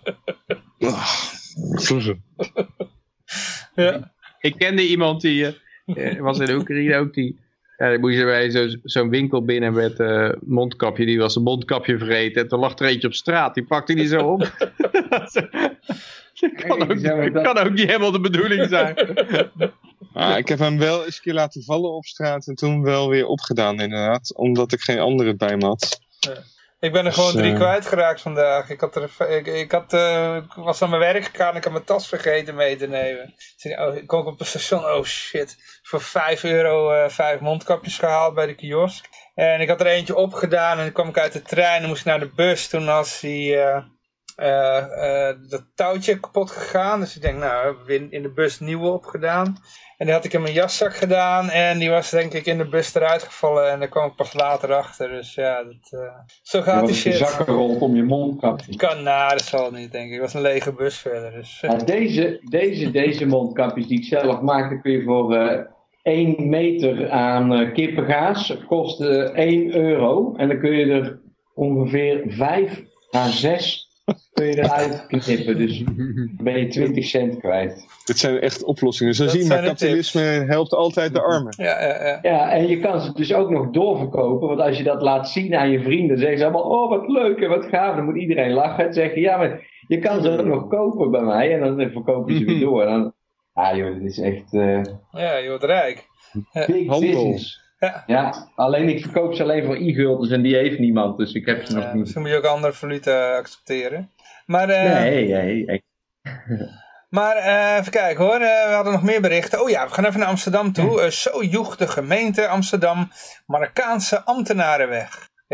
Kijk, weer zo'n cookie-melding. Ik denk dat tegen de tijd dat we van die mondkapjes af zijn, moeten we ook maar eens die cookies En dus, aanpakken. dit is dan nog vrij Nederland, hè? Ja, tegenwoordig, voordat je een website in kan, dan moet je altijd eerst cookies toestaan. En dan kan je dan alle of, eh, of een selectie maken. En daarna moet je nog, eh, eh, eh, hoe heet het, eh, de blok push-up meldingen vraagt hij dan ook nog om. Voordat Ja, je bij ja. de site bent, dan ben je echt al een heleboel eh, geklikt verder. Ja. Ja. Ja, en uh, Maar vrijheidradio.com. het gaat over ja. de gemeente Oh, oh, ja. Amsterdam in 2017. Had een radicaliseringsambtenaar, Saida Ait Taleb. Die, en die beschuldigde deze radicaliseringsambtenaar vastelijk van fraude en vriendjespolitiek. En er waren opeens andere ambtenaren met een Marokkaanse achtergrond verdacht. Ze werden afgeserveerd met alle gevolgen van dien. Het, waren de beste radicali het was het beste deradicaliseringsteam ter wereld. Dat is nu kapot. Het is denk ik ook het enige deradicaliseringsteam Nou, dat niet, ter dat niet, niet. Het is een, eh, ik moet er wel even bij zeggen, ik moest in het begin ook even lachen toen dit gezegd werd. Maar als je dan eh, ve- verder leest, dan zie je ook dat er, eh, dat ze ja, een voorbeeld waren voor eh, de rest van de wereld. Dus die mensen hebben ook...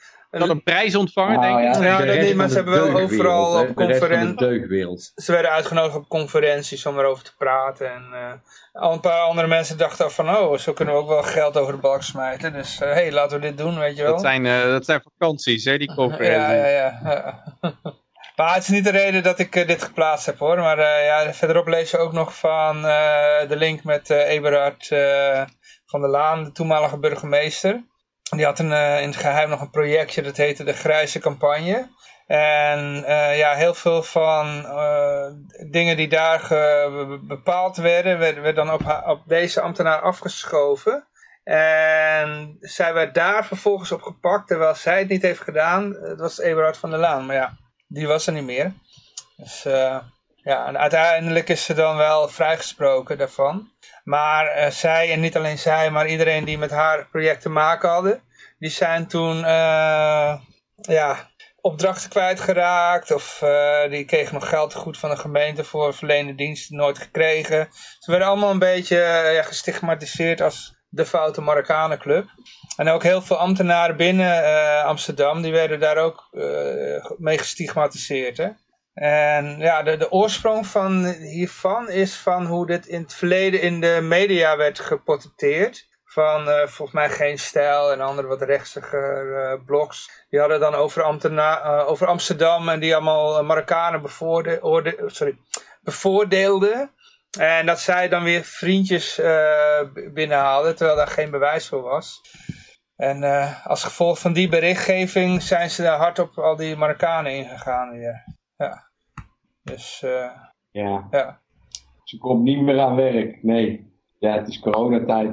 Ja, ja, ja. Ah. Niemand zit meer te wachten op een Op een terrorist. deradicaliseringsteam. Nee, nee, nee. Wat heb je Nee. gedaan in je... Nou, ik heb een uh, deradicaliseringsspecialist. Ja. Dat zich moeten omscholen naar corona-specialist. Ah, Nee, als radicaliseringsambtenaar kan je veel meer eh, geld binnenhalen. Maar je ziet hier wel een bepaald patroon. Hè? Dus de, je ziet de hele tijd de, overheid, of dit, in dit geval de Amsterdamse overheid, die eigenlijk achter de feiten aanholt. Hè? Dus in de media is een probleem. Nou, het begon allemaal met natuurlijk de moord op Pim Fortuyn. Hè? He did not kill himself. eh. Ja, Eh, ik heb en hem maar weer eens eh, uit de kast ja, getrokken. als gevolg daarvan moesten dus eh deradicaliseringsambtenaren aangesteld worden. Die moesten dan in kaart brengen wat er allemaal in de bepaalde gemeenschappen gebeurde. En als er dan een radicalisering was, moest dat gemeld worden. Nou, er waren iets van 300 eh, vrijwilligers die dan uh, daar aan meewerkten binnen de, vooral ja, de Marokkaanse gemeenschap. En nou ja, sommigen kregen dan na verloop van tijd een baan, een betaalde baan. En nou, die moesten allemaal in kaart brengen wat er allemaal gebeurde in die gemeenschap. En vervolgens zie je dan weer dat er in de media daar weer op gereageerd wordt. Van, oh jezus, dan krijgen allemaal mensen gewoon, eh, eh, ja, die, dit gaat ook weer fout, weet je wel.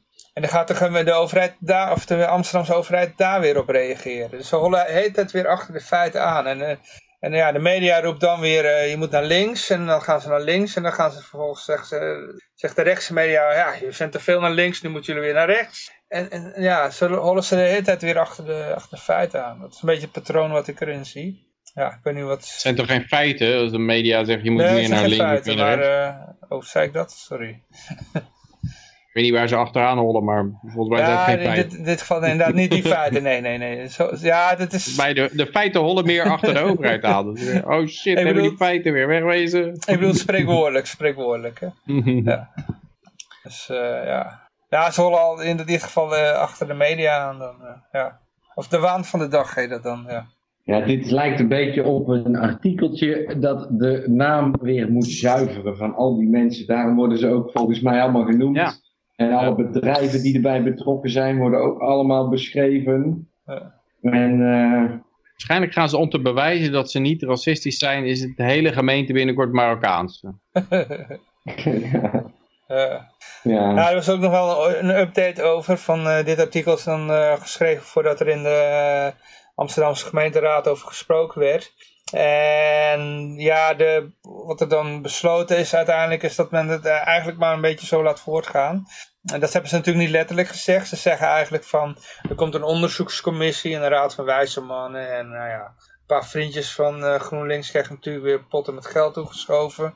En er wordt een conclusie getrokken. En nou ja, het blijft dan zo nog wel eh, twintig jaar voormodderen, denk ik. Dus ja. Nou ze hebben eigenlijk, als ik het goed lees, er zit hier een stukje in. Eh, ze, hebben, ze, eh, eh, ze hebben eigenlijk het deradicaliseringsteam nou geradicaliseerd. Ja, ja, ja. Misschien worden er nog... eh, Gerehabiliteerd. Ja, Het rehabiliterings, rehabiliteringsteam. Eentje was het zo zat. Die Scholten was het zo zat, die kon geen brief meer van de gemeente Amsterdam meer zien. Wordt die man misschien nog libertariër? Ja, wie weet. Ja, ja, ja. De Scholtens, voormalige medewerker met Marokkaanse achtergrond, wil nooit meer voor de overheid werken. Ik heb jarenlang mensen ervan overtuigd dat de overheid betrouwbaar was, maar ze hebben mijn vertrouwen beschaamd.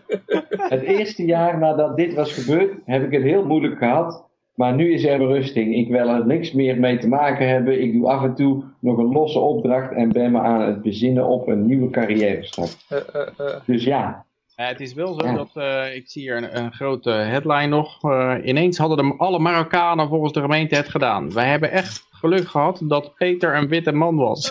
oh jee, dan gaat, dan de witte mannen weer. Maar dit vind ik ook wel ja, opvallend. Dat, dat, eh, ze pretenderen altijd dan zo tegen racisme te zijn. En dan wordt binnen de gemeente worden dan de, de Marokkanen gestigmatiseerd, weet je wel. Dus ja. Ja. ja, je weet niet of dat ook echt zo is. Ik vermoed dat het ook, ja, dat, het gewoon, dat er echt wel corruptie plaatsvond. Want dat, dat heb je natuurlijk met die, ehm, hoe heet het, die, hoe heet die figuur ook wel? Tara Singh Varma, weet je dat nog? Ja, ja, ja. Er zijn natuurlijk een heleboel van dat soort figuren geweest. Die, waren, die, hadden, die hadden een kleurtje. Dus werden ze gelijk als een raket gelanceerd binnen die GroenLinks en PvdA en al dat soort linkse clubs. Die werden gelijk naar voren geschoten van, je, heb ik jou daar? Die gingen alle veiligheidschecks gingen die voorbij.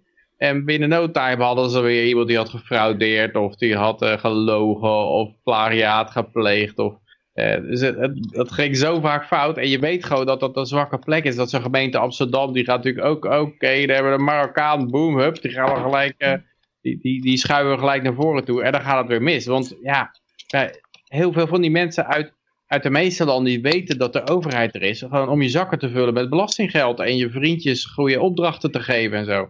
En eh, daar zit zij ook over te klagen. Van ik mocht niet eens, eh, wat is het nou? Eh, ik mocht 25 euro hè. eh, las dat net. Nee, ze mocht geen beleid plegen of zo. Ze mocht geen opdrachten plaatsen, zei dat, dat was het geloof ik. Ik mocht niet eens opdrachten plaatsen. Even kijken, wat is dat? Opdrachten? Ja, ja, ja. Ze- Ze zei zoiets, ja. Ja, dus ik zag er net zoiets staan in... eh, eh, ja ze- zij mocht geen, eh, geen contracten aannemen, zeg maar. Ja. Dat, dat werd allemaal door de burgemeester Italië gedaan. had niet eens de bevoegdheid om zelf opdrachten te verstrekken. En er staat er de, hier, eh, nadat in 2007 uitlekte dat Thai werd verdacht van fraude en vriendjespolitiek, suggereerden anonieme bronnen al snel in de media dat zijn bedrijf, Scholten en Partners regelmatig zou zijn voorgetrokken bij de toekenning van opdrachten. Dus eh, ja, de, de- die kregen al een hele hoop opdrachten. En zij mocht op een gegeven moment geen opdrachten meer verstrekken. Dat, was het, dat, dat is denk ik gewoon, zoals het bij alle overheden in de hele wereld heel erg transparant gaat, is, uh, ja, als je weet zo'n positie dan machtig, hè, dan begin je allerlei uh, opdrachten aan je vriendjes toe te spelen voor lucratieve bedragen voor heel weinig werk. En dat deed zij ook gewoon natuurlijk. Ja, dan kan je. En nou, nou ja, moet er zogenaamd gerehabiliteerd worden. Maar ja. Nou, ik, moet wel bij zeggen, ze is daar van, van die verdenking vrijgesproken. Dus, mm -hmm. ja. Krijg nog de opmerking van Rick dat Sing Pharma een borstkanker gefaked had. Oh ja, ja. Dat, dat was wel heel erg. Oh man, ja. ja. ja, volgens mij had ze ook een diploma, diploma gelogen, toch? Maar inderdaad, dit, dit was nog erger. Ja. Maar ja, in ieder geval, ja, wat we kunnen verder over zeggen. Het is... Uh...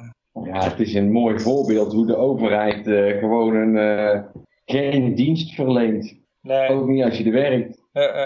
Misschien, misschien heeft zij het vliegtuigje wel ingehuurd. Ja, de beste. ja, ja, ja, nou weten wie het gedaan heeft. Dan had het, vliegtuig wel boven Amsterdam uh, gevlogen, denk ik hoor. De beste deradicalisering is er gewoon als die mensen allemaal ook gewoon kunnen werken om vooruit te komen. Uh, geen minimumloon, uh, geen, de, geen regulering, alles dereguleren, meer vrijheid en geen verplichte uitkering. En dan krijg je vanzelf dat dat soort mensen een carrière stap maken en dan nog een carrière stap en nog een carrière. En dan hebben ze helemaal geen zin meer in radicalisering. Maar ja, het is een beetje hetzelfde als met die muizen in Universe 25. Als je die, als je die uitkering geeft en ze hebben voldoende te eten en te drinken, maar ze hebben voor de rest niks te doen. En, of niet, ja, ze hoeven daar niet voor te, uh, ja, moeilijkheden voor te overwinnen en uitdagingen, uitdagingen voor aan te gaan. Ja, dan gaat het toch mis. Ja. Worden ze agressief of ze worden een mooie man. ja, ja. Grass eating, Japanner. Ja, ja. ik, ik, zit met de, ik zit nou te twijfelen of ik me ook moet identificeren als een mooie man. Maar goed, dat is dan even... Voor volgende week misschien. Ja, je, zit, je hebt elke nacht een andere vriendin, toch? ja, maar dat is allemaal, dat is geen voortplanting, hè? dat weet je niet. Nou ja, ik hoop het te weten. Ik hoop te weten dat het niet zo is. Nou ja, straks wil er iemand nog wel een alimentatie in de e-guldens hebben. Nee, ja, precies. Nou, als de e-guld op een gegeven moment op een euro staat, dan durf ik het wel aan. Maar op het moment dan denk ik van ja, als ik nou iemand... Ik kan niet eens een hond verzorgen, dus... Ja.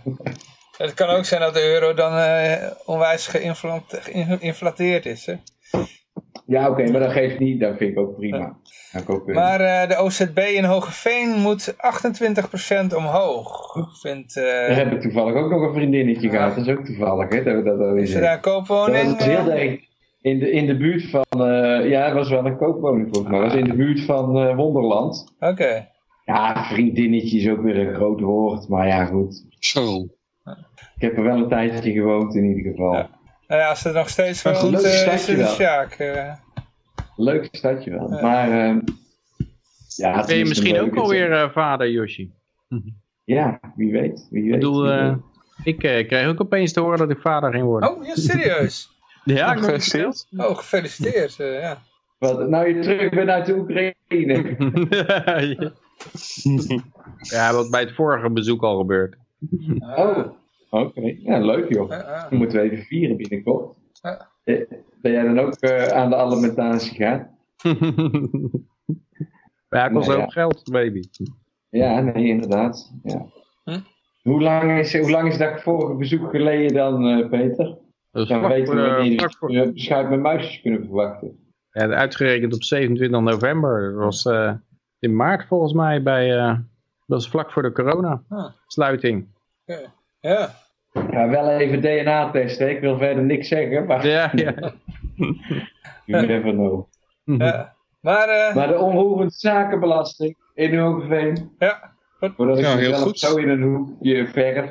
Ze krijgen de leiders die ze verdienen. En daar hoort een prijs uh, aan vast. Ja. Hoort een prijs bij en die uh, gaan ze niet betalen. Ja, geen medelijden mee.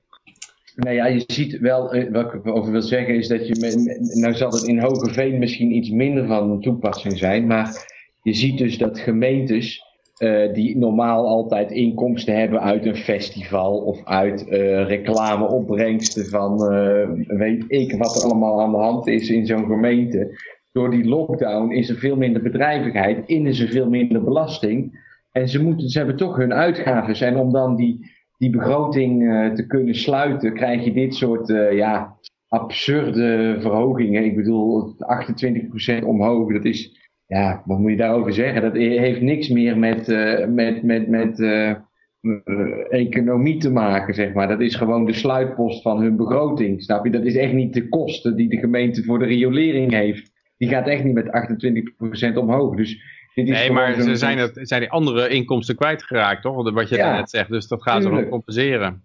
Ja, nou ja, oké. Okay. En de, de, dat, dat verklaart dan zo'n 28%. Ja, het is, het is absurd. Maar ja, goed. Uh, het, precies, uh, ja, uh, precies wat Lucas net zegt.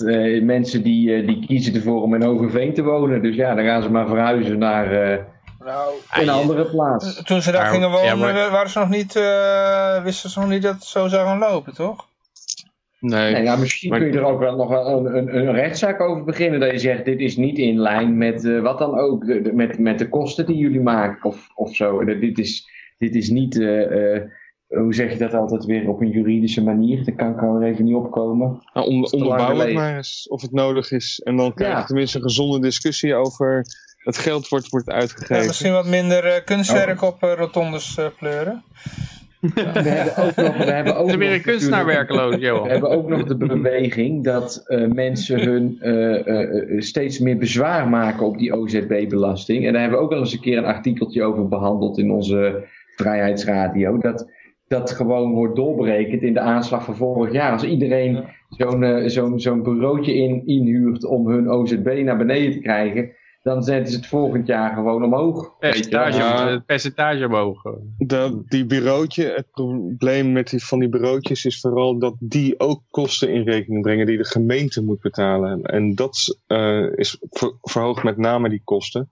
Oh, en dat okay. gaat soms om duizenden euro's als die OZB uh, slechts over bijvoorbeeld 800 euro gaat. Dus uh, ja, daar ja. zit het venijn met die bureautjes met name in. En dan hebben die mensen die dat, die dat inhuren, dat bureautje, die weten dat helemaal niet. Nee. Want die zien dat helemaal. Ja, ja, precies. Terwijl ze, als ze gewoon contact opnemen met de gemeente, zeggen van ja, dit, is, uh, dit klopt niet, want ik heb een oud verrot huis. Uh, en in vergelijking ja, met maar... de andere objecten, dan oh, ja, krijg je ook wel korting. Oh, sorry. Dus die bureautjes zijn niet nodig. Ik was vandaag dat ergens in Amerika was er iemand die had de blackness uit hun huis verwijderd. En uh, dat hield dan in dat ze de kunstwerken aan de muur wat hadden veranderd. En er waren, was alleen maar een blank iemand in het huis tijdens de taxatie. En toen ging de waarde van 40% omhoog. Uh, volgens deze persoon. Ik geloof daar voor de rest niet zoveel van. Uh, ik denk dat de waarde gewoon 40% gestegen was. Of de prijs 40% gestegen was. Omdat al die huizen enorm omhoog zijn gegaan. Maar toen dacht ik wel, ja, als het zo werkt, zou je het ook andersom kunnen doen. Dan doe je de, voor de OZB-taxatie.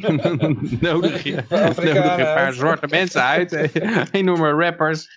en dan uh, komt een taxateur die, oh, dan gaat gelijk 40% vanaf. Uh, uh, nou, nee, ga daarmee naar de gemeente toe. Dan, dan, dan, kun je beter, Peter, kun je iemand, eh, kun je, moet je een paar keer een, een ruit door zo'n politieauto heen gooien in jouw wijk. Dat het flink slecht in het nieuws komt. Ja. En dan zegt iedereen, oh wat een verloederde wijk. En dan heb je wel... Ja, ik, ik, zie nou een nieuwe carrière voor al die uh, ontslagen radicaliseringsambtenaren.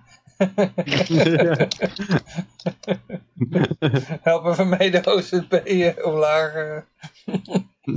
Hang even rond bij, bij ons. Op, uh...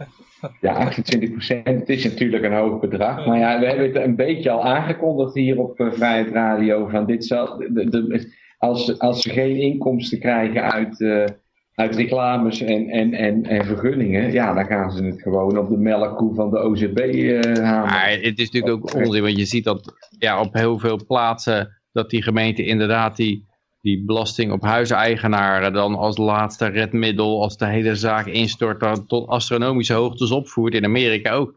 Maar wat er, wat er natuurlijk gebeurt is dat iedereen weggaat. Net zoals eh, in Californië willen ze daar zo'n uh, wealth tax gaan invoeren. Dus je betaalt over al je welvaart, als het boven de 15 miljoen is, betaal je uh, 4% of zo. Ik weet niet precies wat het is, of 0,4%. En ja, het punt daarvan is natuurlijk dat... En dat moet je ook nog blijven betalen nadat je uit Californië weg bent gegaan. Want dat tien argument, jaar of zo. Ja, tien jaar. Omdat je, ja. dat, die welvaart heb je opgebouwd toen je in Californië woonde. En ja, dan krijg je natuurlijk A, er gaat geen één enkele multimiljonair meer naar Californië toe. En, en mensen die zeg maar richting de 10 miljoen zitten, die denken ook van nou, nee, eh, ik, eh, ik zit in de gevarenzone. Dus dat betekent, en, en dat er zijn een heleboel mensen die rijk zijn, die denken van nou, ik moet maar eens de plaat gaan poetsen, want dit zal wel niet bij 0,4 blijven, dat zal wel niet bij 15 miljoen blijven. Dus je krijgt, er, je krijgt er een enorme uittocht. En dat proberen ze natuurlijk dan nog met die, met die tien jaar historie proberen ze dat nog een beetje recht te trekken. Van ja, je kan niet ontsnappen, want we pakken je ook nog als je weg bent. Maar uiteindelijk levert het natuurlijk ontvolking op. En dan gaan ze toch hun inkomsten kwijtraken.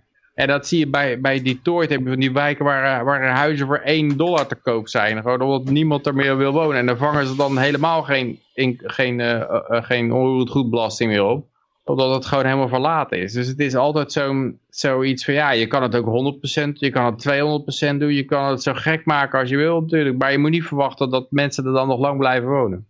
Ik heb nog een paar opmerkingen van Rick. Die zegt, verhuizen bij onwelkom beleid is niet zo makkelijk in Nederland. Onder andere vanwege een door wetgeving dichtgetimmerde huizenmarkt. En dan eh, zegt Rick nog, een gat in de markt toch eens inhuren als buren om de waarde van je huis nog. Ja, ja, ja. tijdelijk te laten dalen. Ja. Maar eh, ja, we zitten al dicht tegen 12 uur aan. Ik heb nog twee berichten. eh, over, de, ja, over deze heb ik eigenlijk niet zoveel te zeggen eigenlijk. Ik had, eh, ja, goed, ja, aangifte dronten na bedreiging ambtenaar bij conflict, huisvesting, studenten. Maar ja, kunnen we ook wel even overslaan.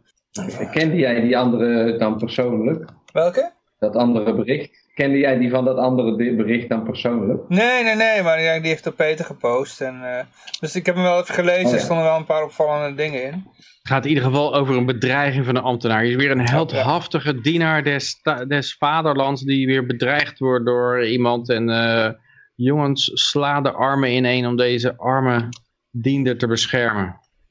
Ja, ik had hem eigenlijk gepost omdat ik wel een beetje opvallend vond. Van ja, Dronten, dat is ligt ergens midden in Flevoland. Ik typte even in waar alle dichtstbijzijnde universiteiten zaten. Nou ja, de dichtstbijzijnde was de Theologische Universiteit in Kampen. En je hebt nog wat in Zwolle zitten, geloof ik. Maar toen bleek dat er een, eh, ik zag pas in het artikel zelf. Ik had, ik had hem eigenlijk gepost naar aanleiding van een ander artikel dat ik wel gelezen had. En toen ging, deze ging lezen stond inderdaad in dit artikel, maar het was nadat ik hem al gepost had. Er stond al in om welke eh, hogeschool het ging. Eh, je hebt in Dronten namelijk de agrarische hogeschool zitten.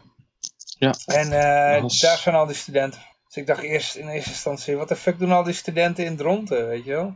Maar eh, Ja, ze hebben ook nog hogescholen, ja. ja, ja, ja. Lees hier de- dit zinnetje. Ik wil eerst weten wat er precies is gebeurd. Maar dit klinkt niet als een situatie die we met elkaar in Dronten moeten willen. Remco de Baaier, fractievoorzitter van de VVD in, in Dronten. Ja, waar zijn we mee bezig, meneertje? Moeten we niet willen met z'n allen.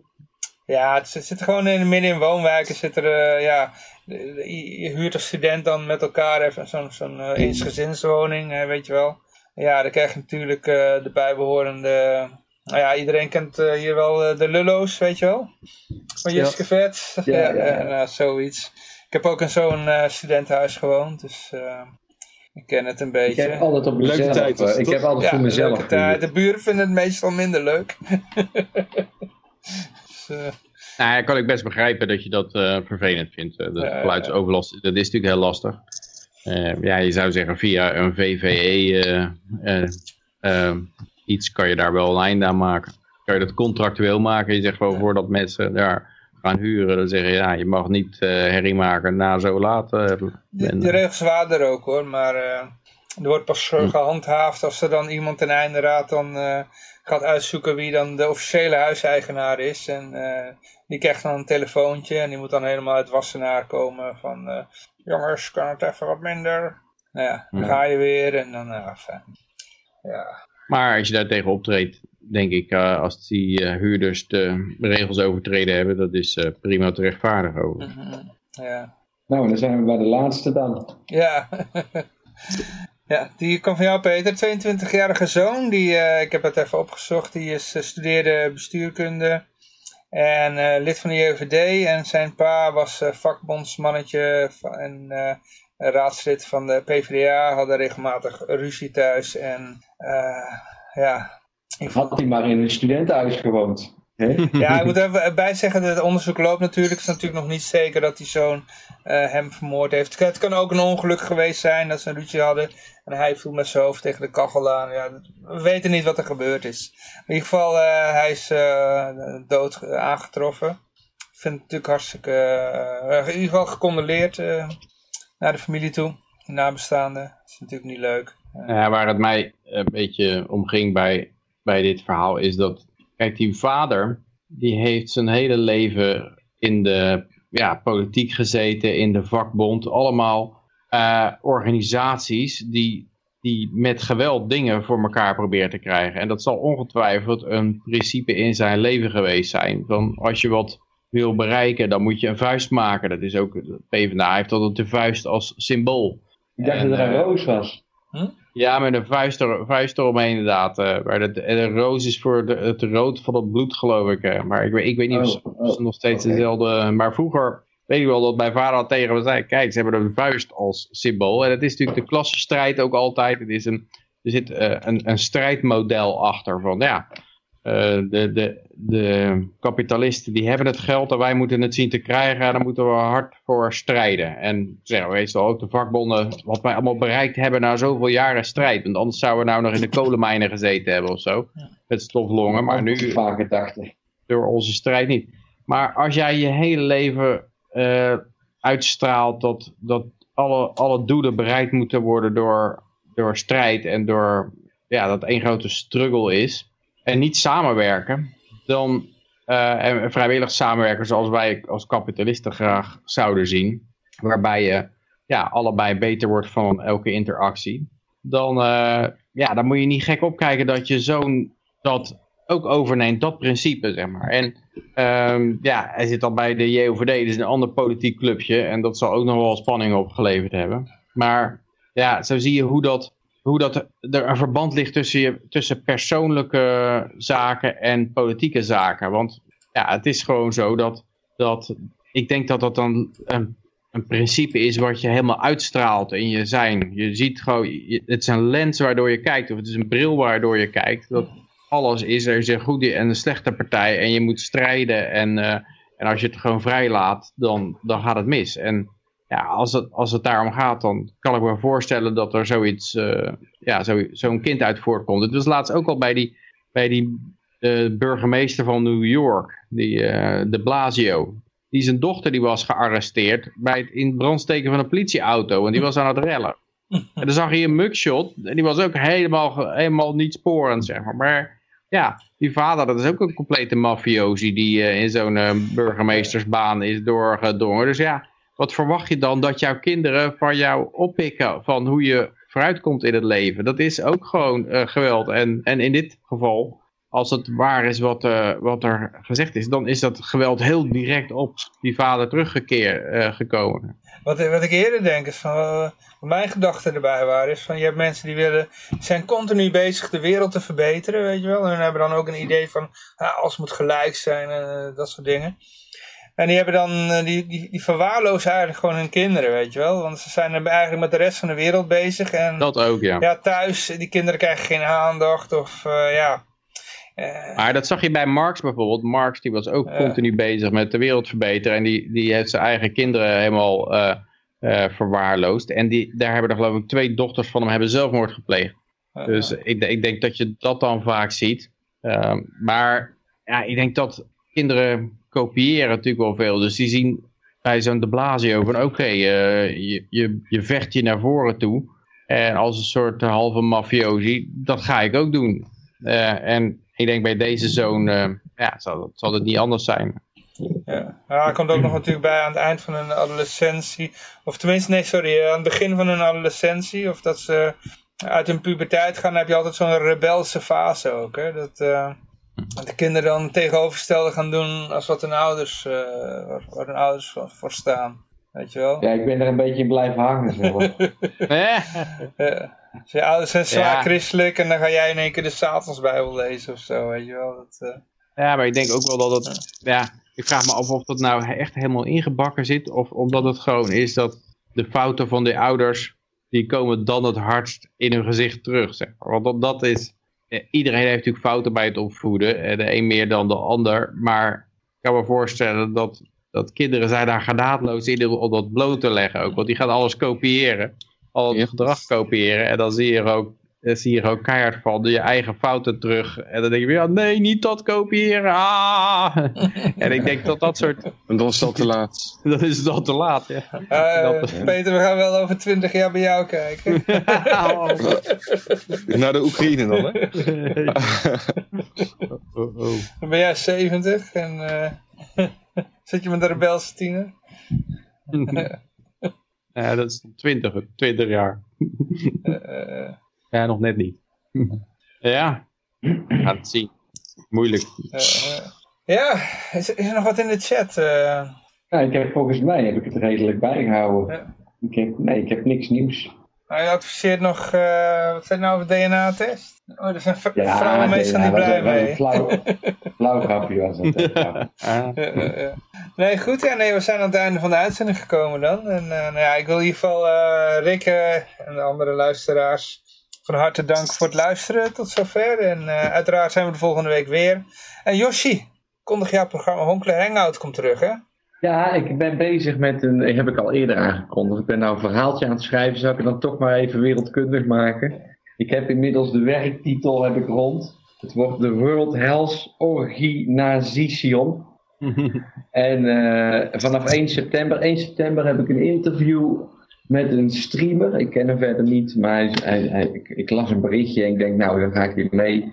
En vanaf 1 september ga ik proberen om heel de maand september eh, live te gaan. Iedere dag een paar uurtjes. Eh, we beginnen met de 11 september, waar we naartoe werken. Dan denk ik, want het is Honkler Hangout, dus ik denk erover om nog een keer eh Hongkongler Hangout. En dan een special over Hongkong. En dan ben ik jarig aan het eind van de maand, september. En dan ga ik de Country Coin Collaboration in het leven roepen. En dat is, dan ga ik alle, ik ken best wel wat coin devs, van die cryptomuntjes, eh die, die, die ontwikkelaars daarvan. En, en ik heb altijd een gedachte gehad dat het dus een netwerk van verschillende munten moet opkomen om, om eh, eh, ja, een alternatief te kunnen bieden aan wat de banken nu doen. En eh, ik ben dus van plan om op mijn verjaardag 29 september eh, een heleboel van dat soort ontwikkelaars van cryptomunten. Er zijn niet alleen, niet alleen de e-gulden bestaat, maar zo is er ook een crypto franc in België en een sterling coin in Engeland en een eh, crypto escudo bestaat er. En zo heb ik best wel wat contacten die ik allemaal ga proberen om bij mij in de show ja, eh, uit te nodigen en, en daarover te spreken. Dus dat wordt eh, vanaf september gaan we weer live. Oké. Nou, mis- misschien, ik, ik kan dit ideetje dan ook gelijk, eh, ja, het, ontstond net een paar seconden geleden. Maar misschien kunnen, ik dat die, kunnen we dat nu ook al een beetje bespreken. Lijkt het dan ook leuk een dual-uitzending te doen? Dus ik zend dan gewoon op Vrijde Radio uit, terwijl jij live bent op Honkler Hangout. Ik, ik heb dat vroeger wel eens geprobeerd bij de lokale Ja, omroep. Deden was eh, omroep van Alkmaar en omroep van MCD Aardehuis zaten bij elkaar in de uitzending. En dan eh, werd... eh, Ja, dan Nou, het, enige probleem Mhm. wat ik daarin zie, en daar heb ik ook al over nagedacht, maar ik stream natuurlijk voornamelijk in het Engels. Oh, ja, ja, ja. En dit is Nederlands. Dus ik dacht er dan over om één keer in de week een Nederlandse uitzending te doen. Ja. En die kan dan aansluiten op, op Vrijheid Radio. Dus dat is zeker iets, dat is zeker mogelijk. Joh. Moet even kijken. Ik wil ook wel een keertje gewoon in het Of- Engels ja. doen hoor. Dat, eh Nee, precies. Ja, ik ben sowieso plan om dan of met mijn, met mijn verjaardag ga ik, ga ik weer een 24 uur uitzending plan ik dan. Net als de vorige keer. Toen was ik 28 uur live. Dus eh, deze keer ga ik proberen om, eh, nou ja, rond mijn verjaardag. Ik ben ook van plan, ik, ik wil proberen om er wat geld op binnen te slepen, zeg maar, in die maand. En eh, ja, we zullen zien wat het wordt. Ja, ja. Ik hoop allemaal dat die gasten binnen Bitcoin Cash, ik weet niet of je dat meegekregen, op, eh, op 1 augustus van dit jaar was Bitcoin Cash bestond drie jaar. Oh ja, ja, En ja. toen heb ik een heel klein stukje gemodereerd in hun, eh, in hun verjaardagsstream. En ik hoop allemaal dat ik vanuit die club mensen van Bitcoin Cash, ja, die zitten toch allemaal een beetje van de vrijheid, weet je wel. En eh, dit ook met Liberland en zo. Dus ja, ik, moet hier, ik, ik, ben hier, ik heb hier allerlei dingen die ik graag wil ontwikkelen. Maar daar is ook geld voor nodig. En ofwel mensen moeten aan de i-gulden, of ik moet gewoon donaties krijgen. Want anders dan zit ik hier alleen maar een beetje... Ja, ik vind het heerlijke pasta die ik elke keer maak. Maar ik heb het idee dat ik zoveel meer kan doen. Je wil ook wel eens een keertje je meer kan doen dan pasta waard. nee, nee, het gaat niet om mijn eigen... Mijn eigen eten is allemaal wel geregeld. Maar er zijn gewoon wat projecten die ik Eh, eh, ja, graag van de grond zou willen trekken. En daar is iets meer voor nodig dan wat ik zelf. eh, ik, ik heb het verhaal al duizend keer verteld, maar ik heb 2,5 jaar geleden mijn momentje gemist. eh, eh, En ja, er moet op de een of andere manier toch weer iets gaan rollen, om het maar zo te zeggen. Dus dan ga ik in september ga ik daar hard even voor aan de slag. En hoop ik. Ja, eh, dat, er, dat er inderdaad, eh, nou ja, dat de vrije markt beslist dat ik, er, eh, dat ik iets toevoeg Ah. aan de wereld, Ja, laat ik ja, het maar zo zeggen. Dus Nee, maar goed, ja. ja. We kunnen nog even na de uitzending verder praten. Ik wil in ieder geval, ik ga nog even verder met mijn afscheid. Eh, in ieder geval, ja, iedereen hartelijk danken voor het luisteren. En uiteraard de deelnemers hartelijk danken voor het deelnemen. Mijn, naam- en ehm, wat we horen er nog meer bij. ja, uiteraard zijn we volgende Peter. week weer. En ik zou zeggen toedeledoken. Ja, volgens mij heb ik nog alles gezegd, hè. Ja, er komt... eh, ja hoor.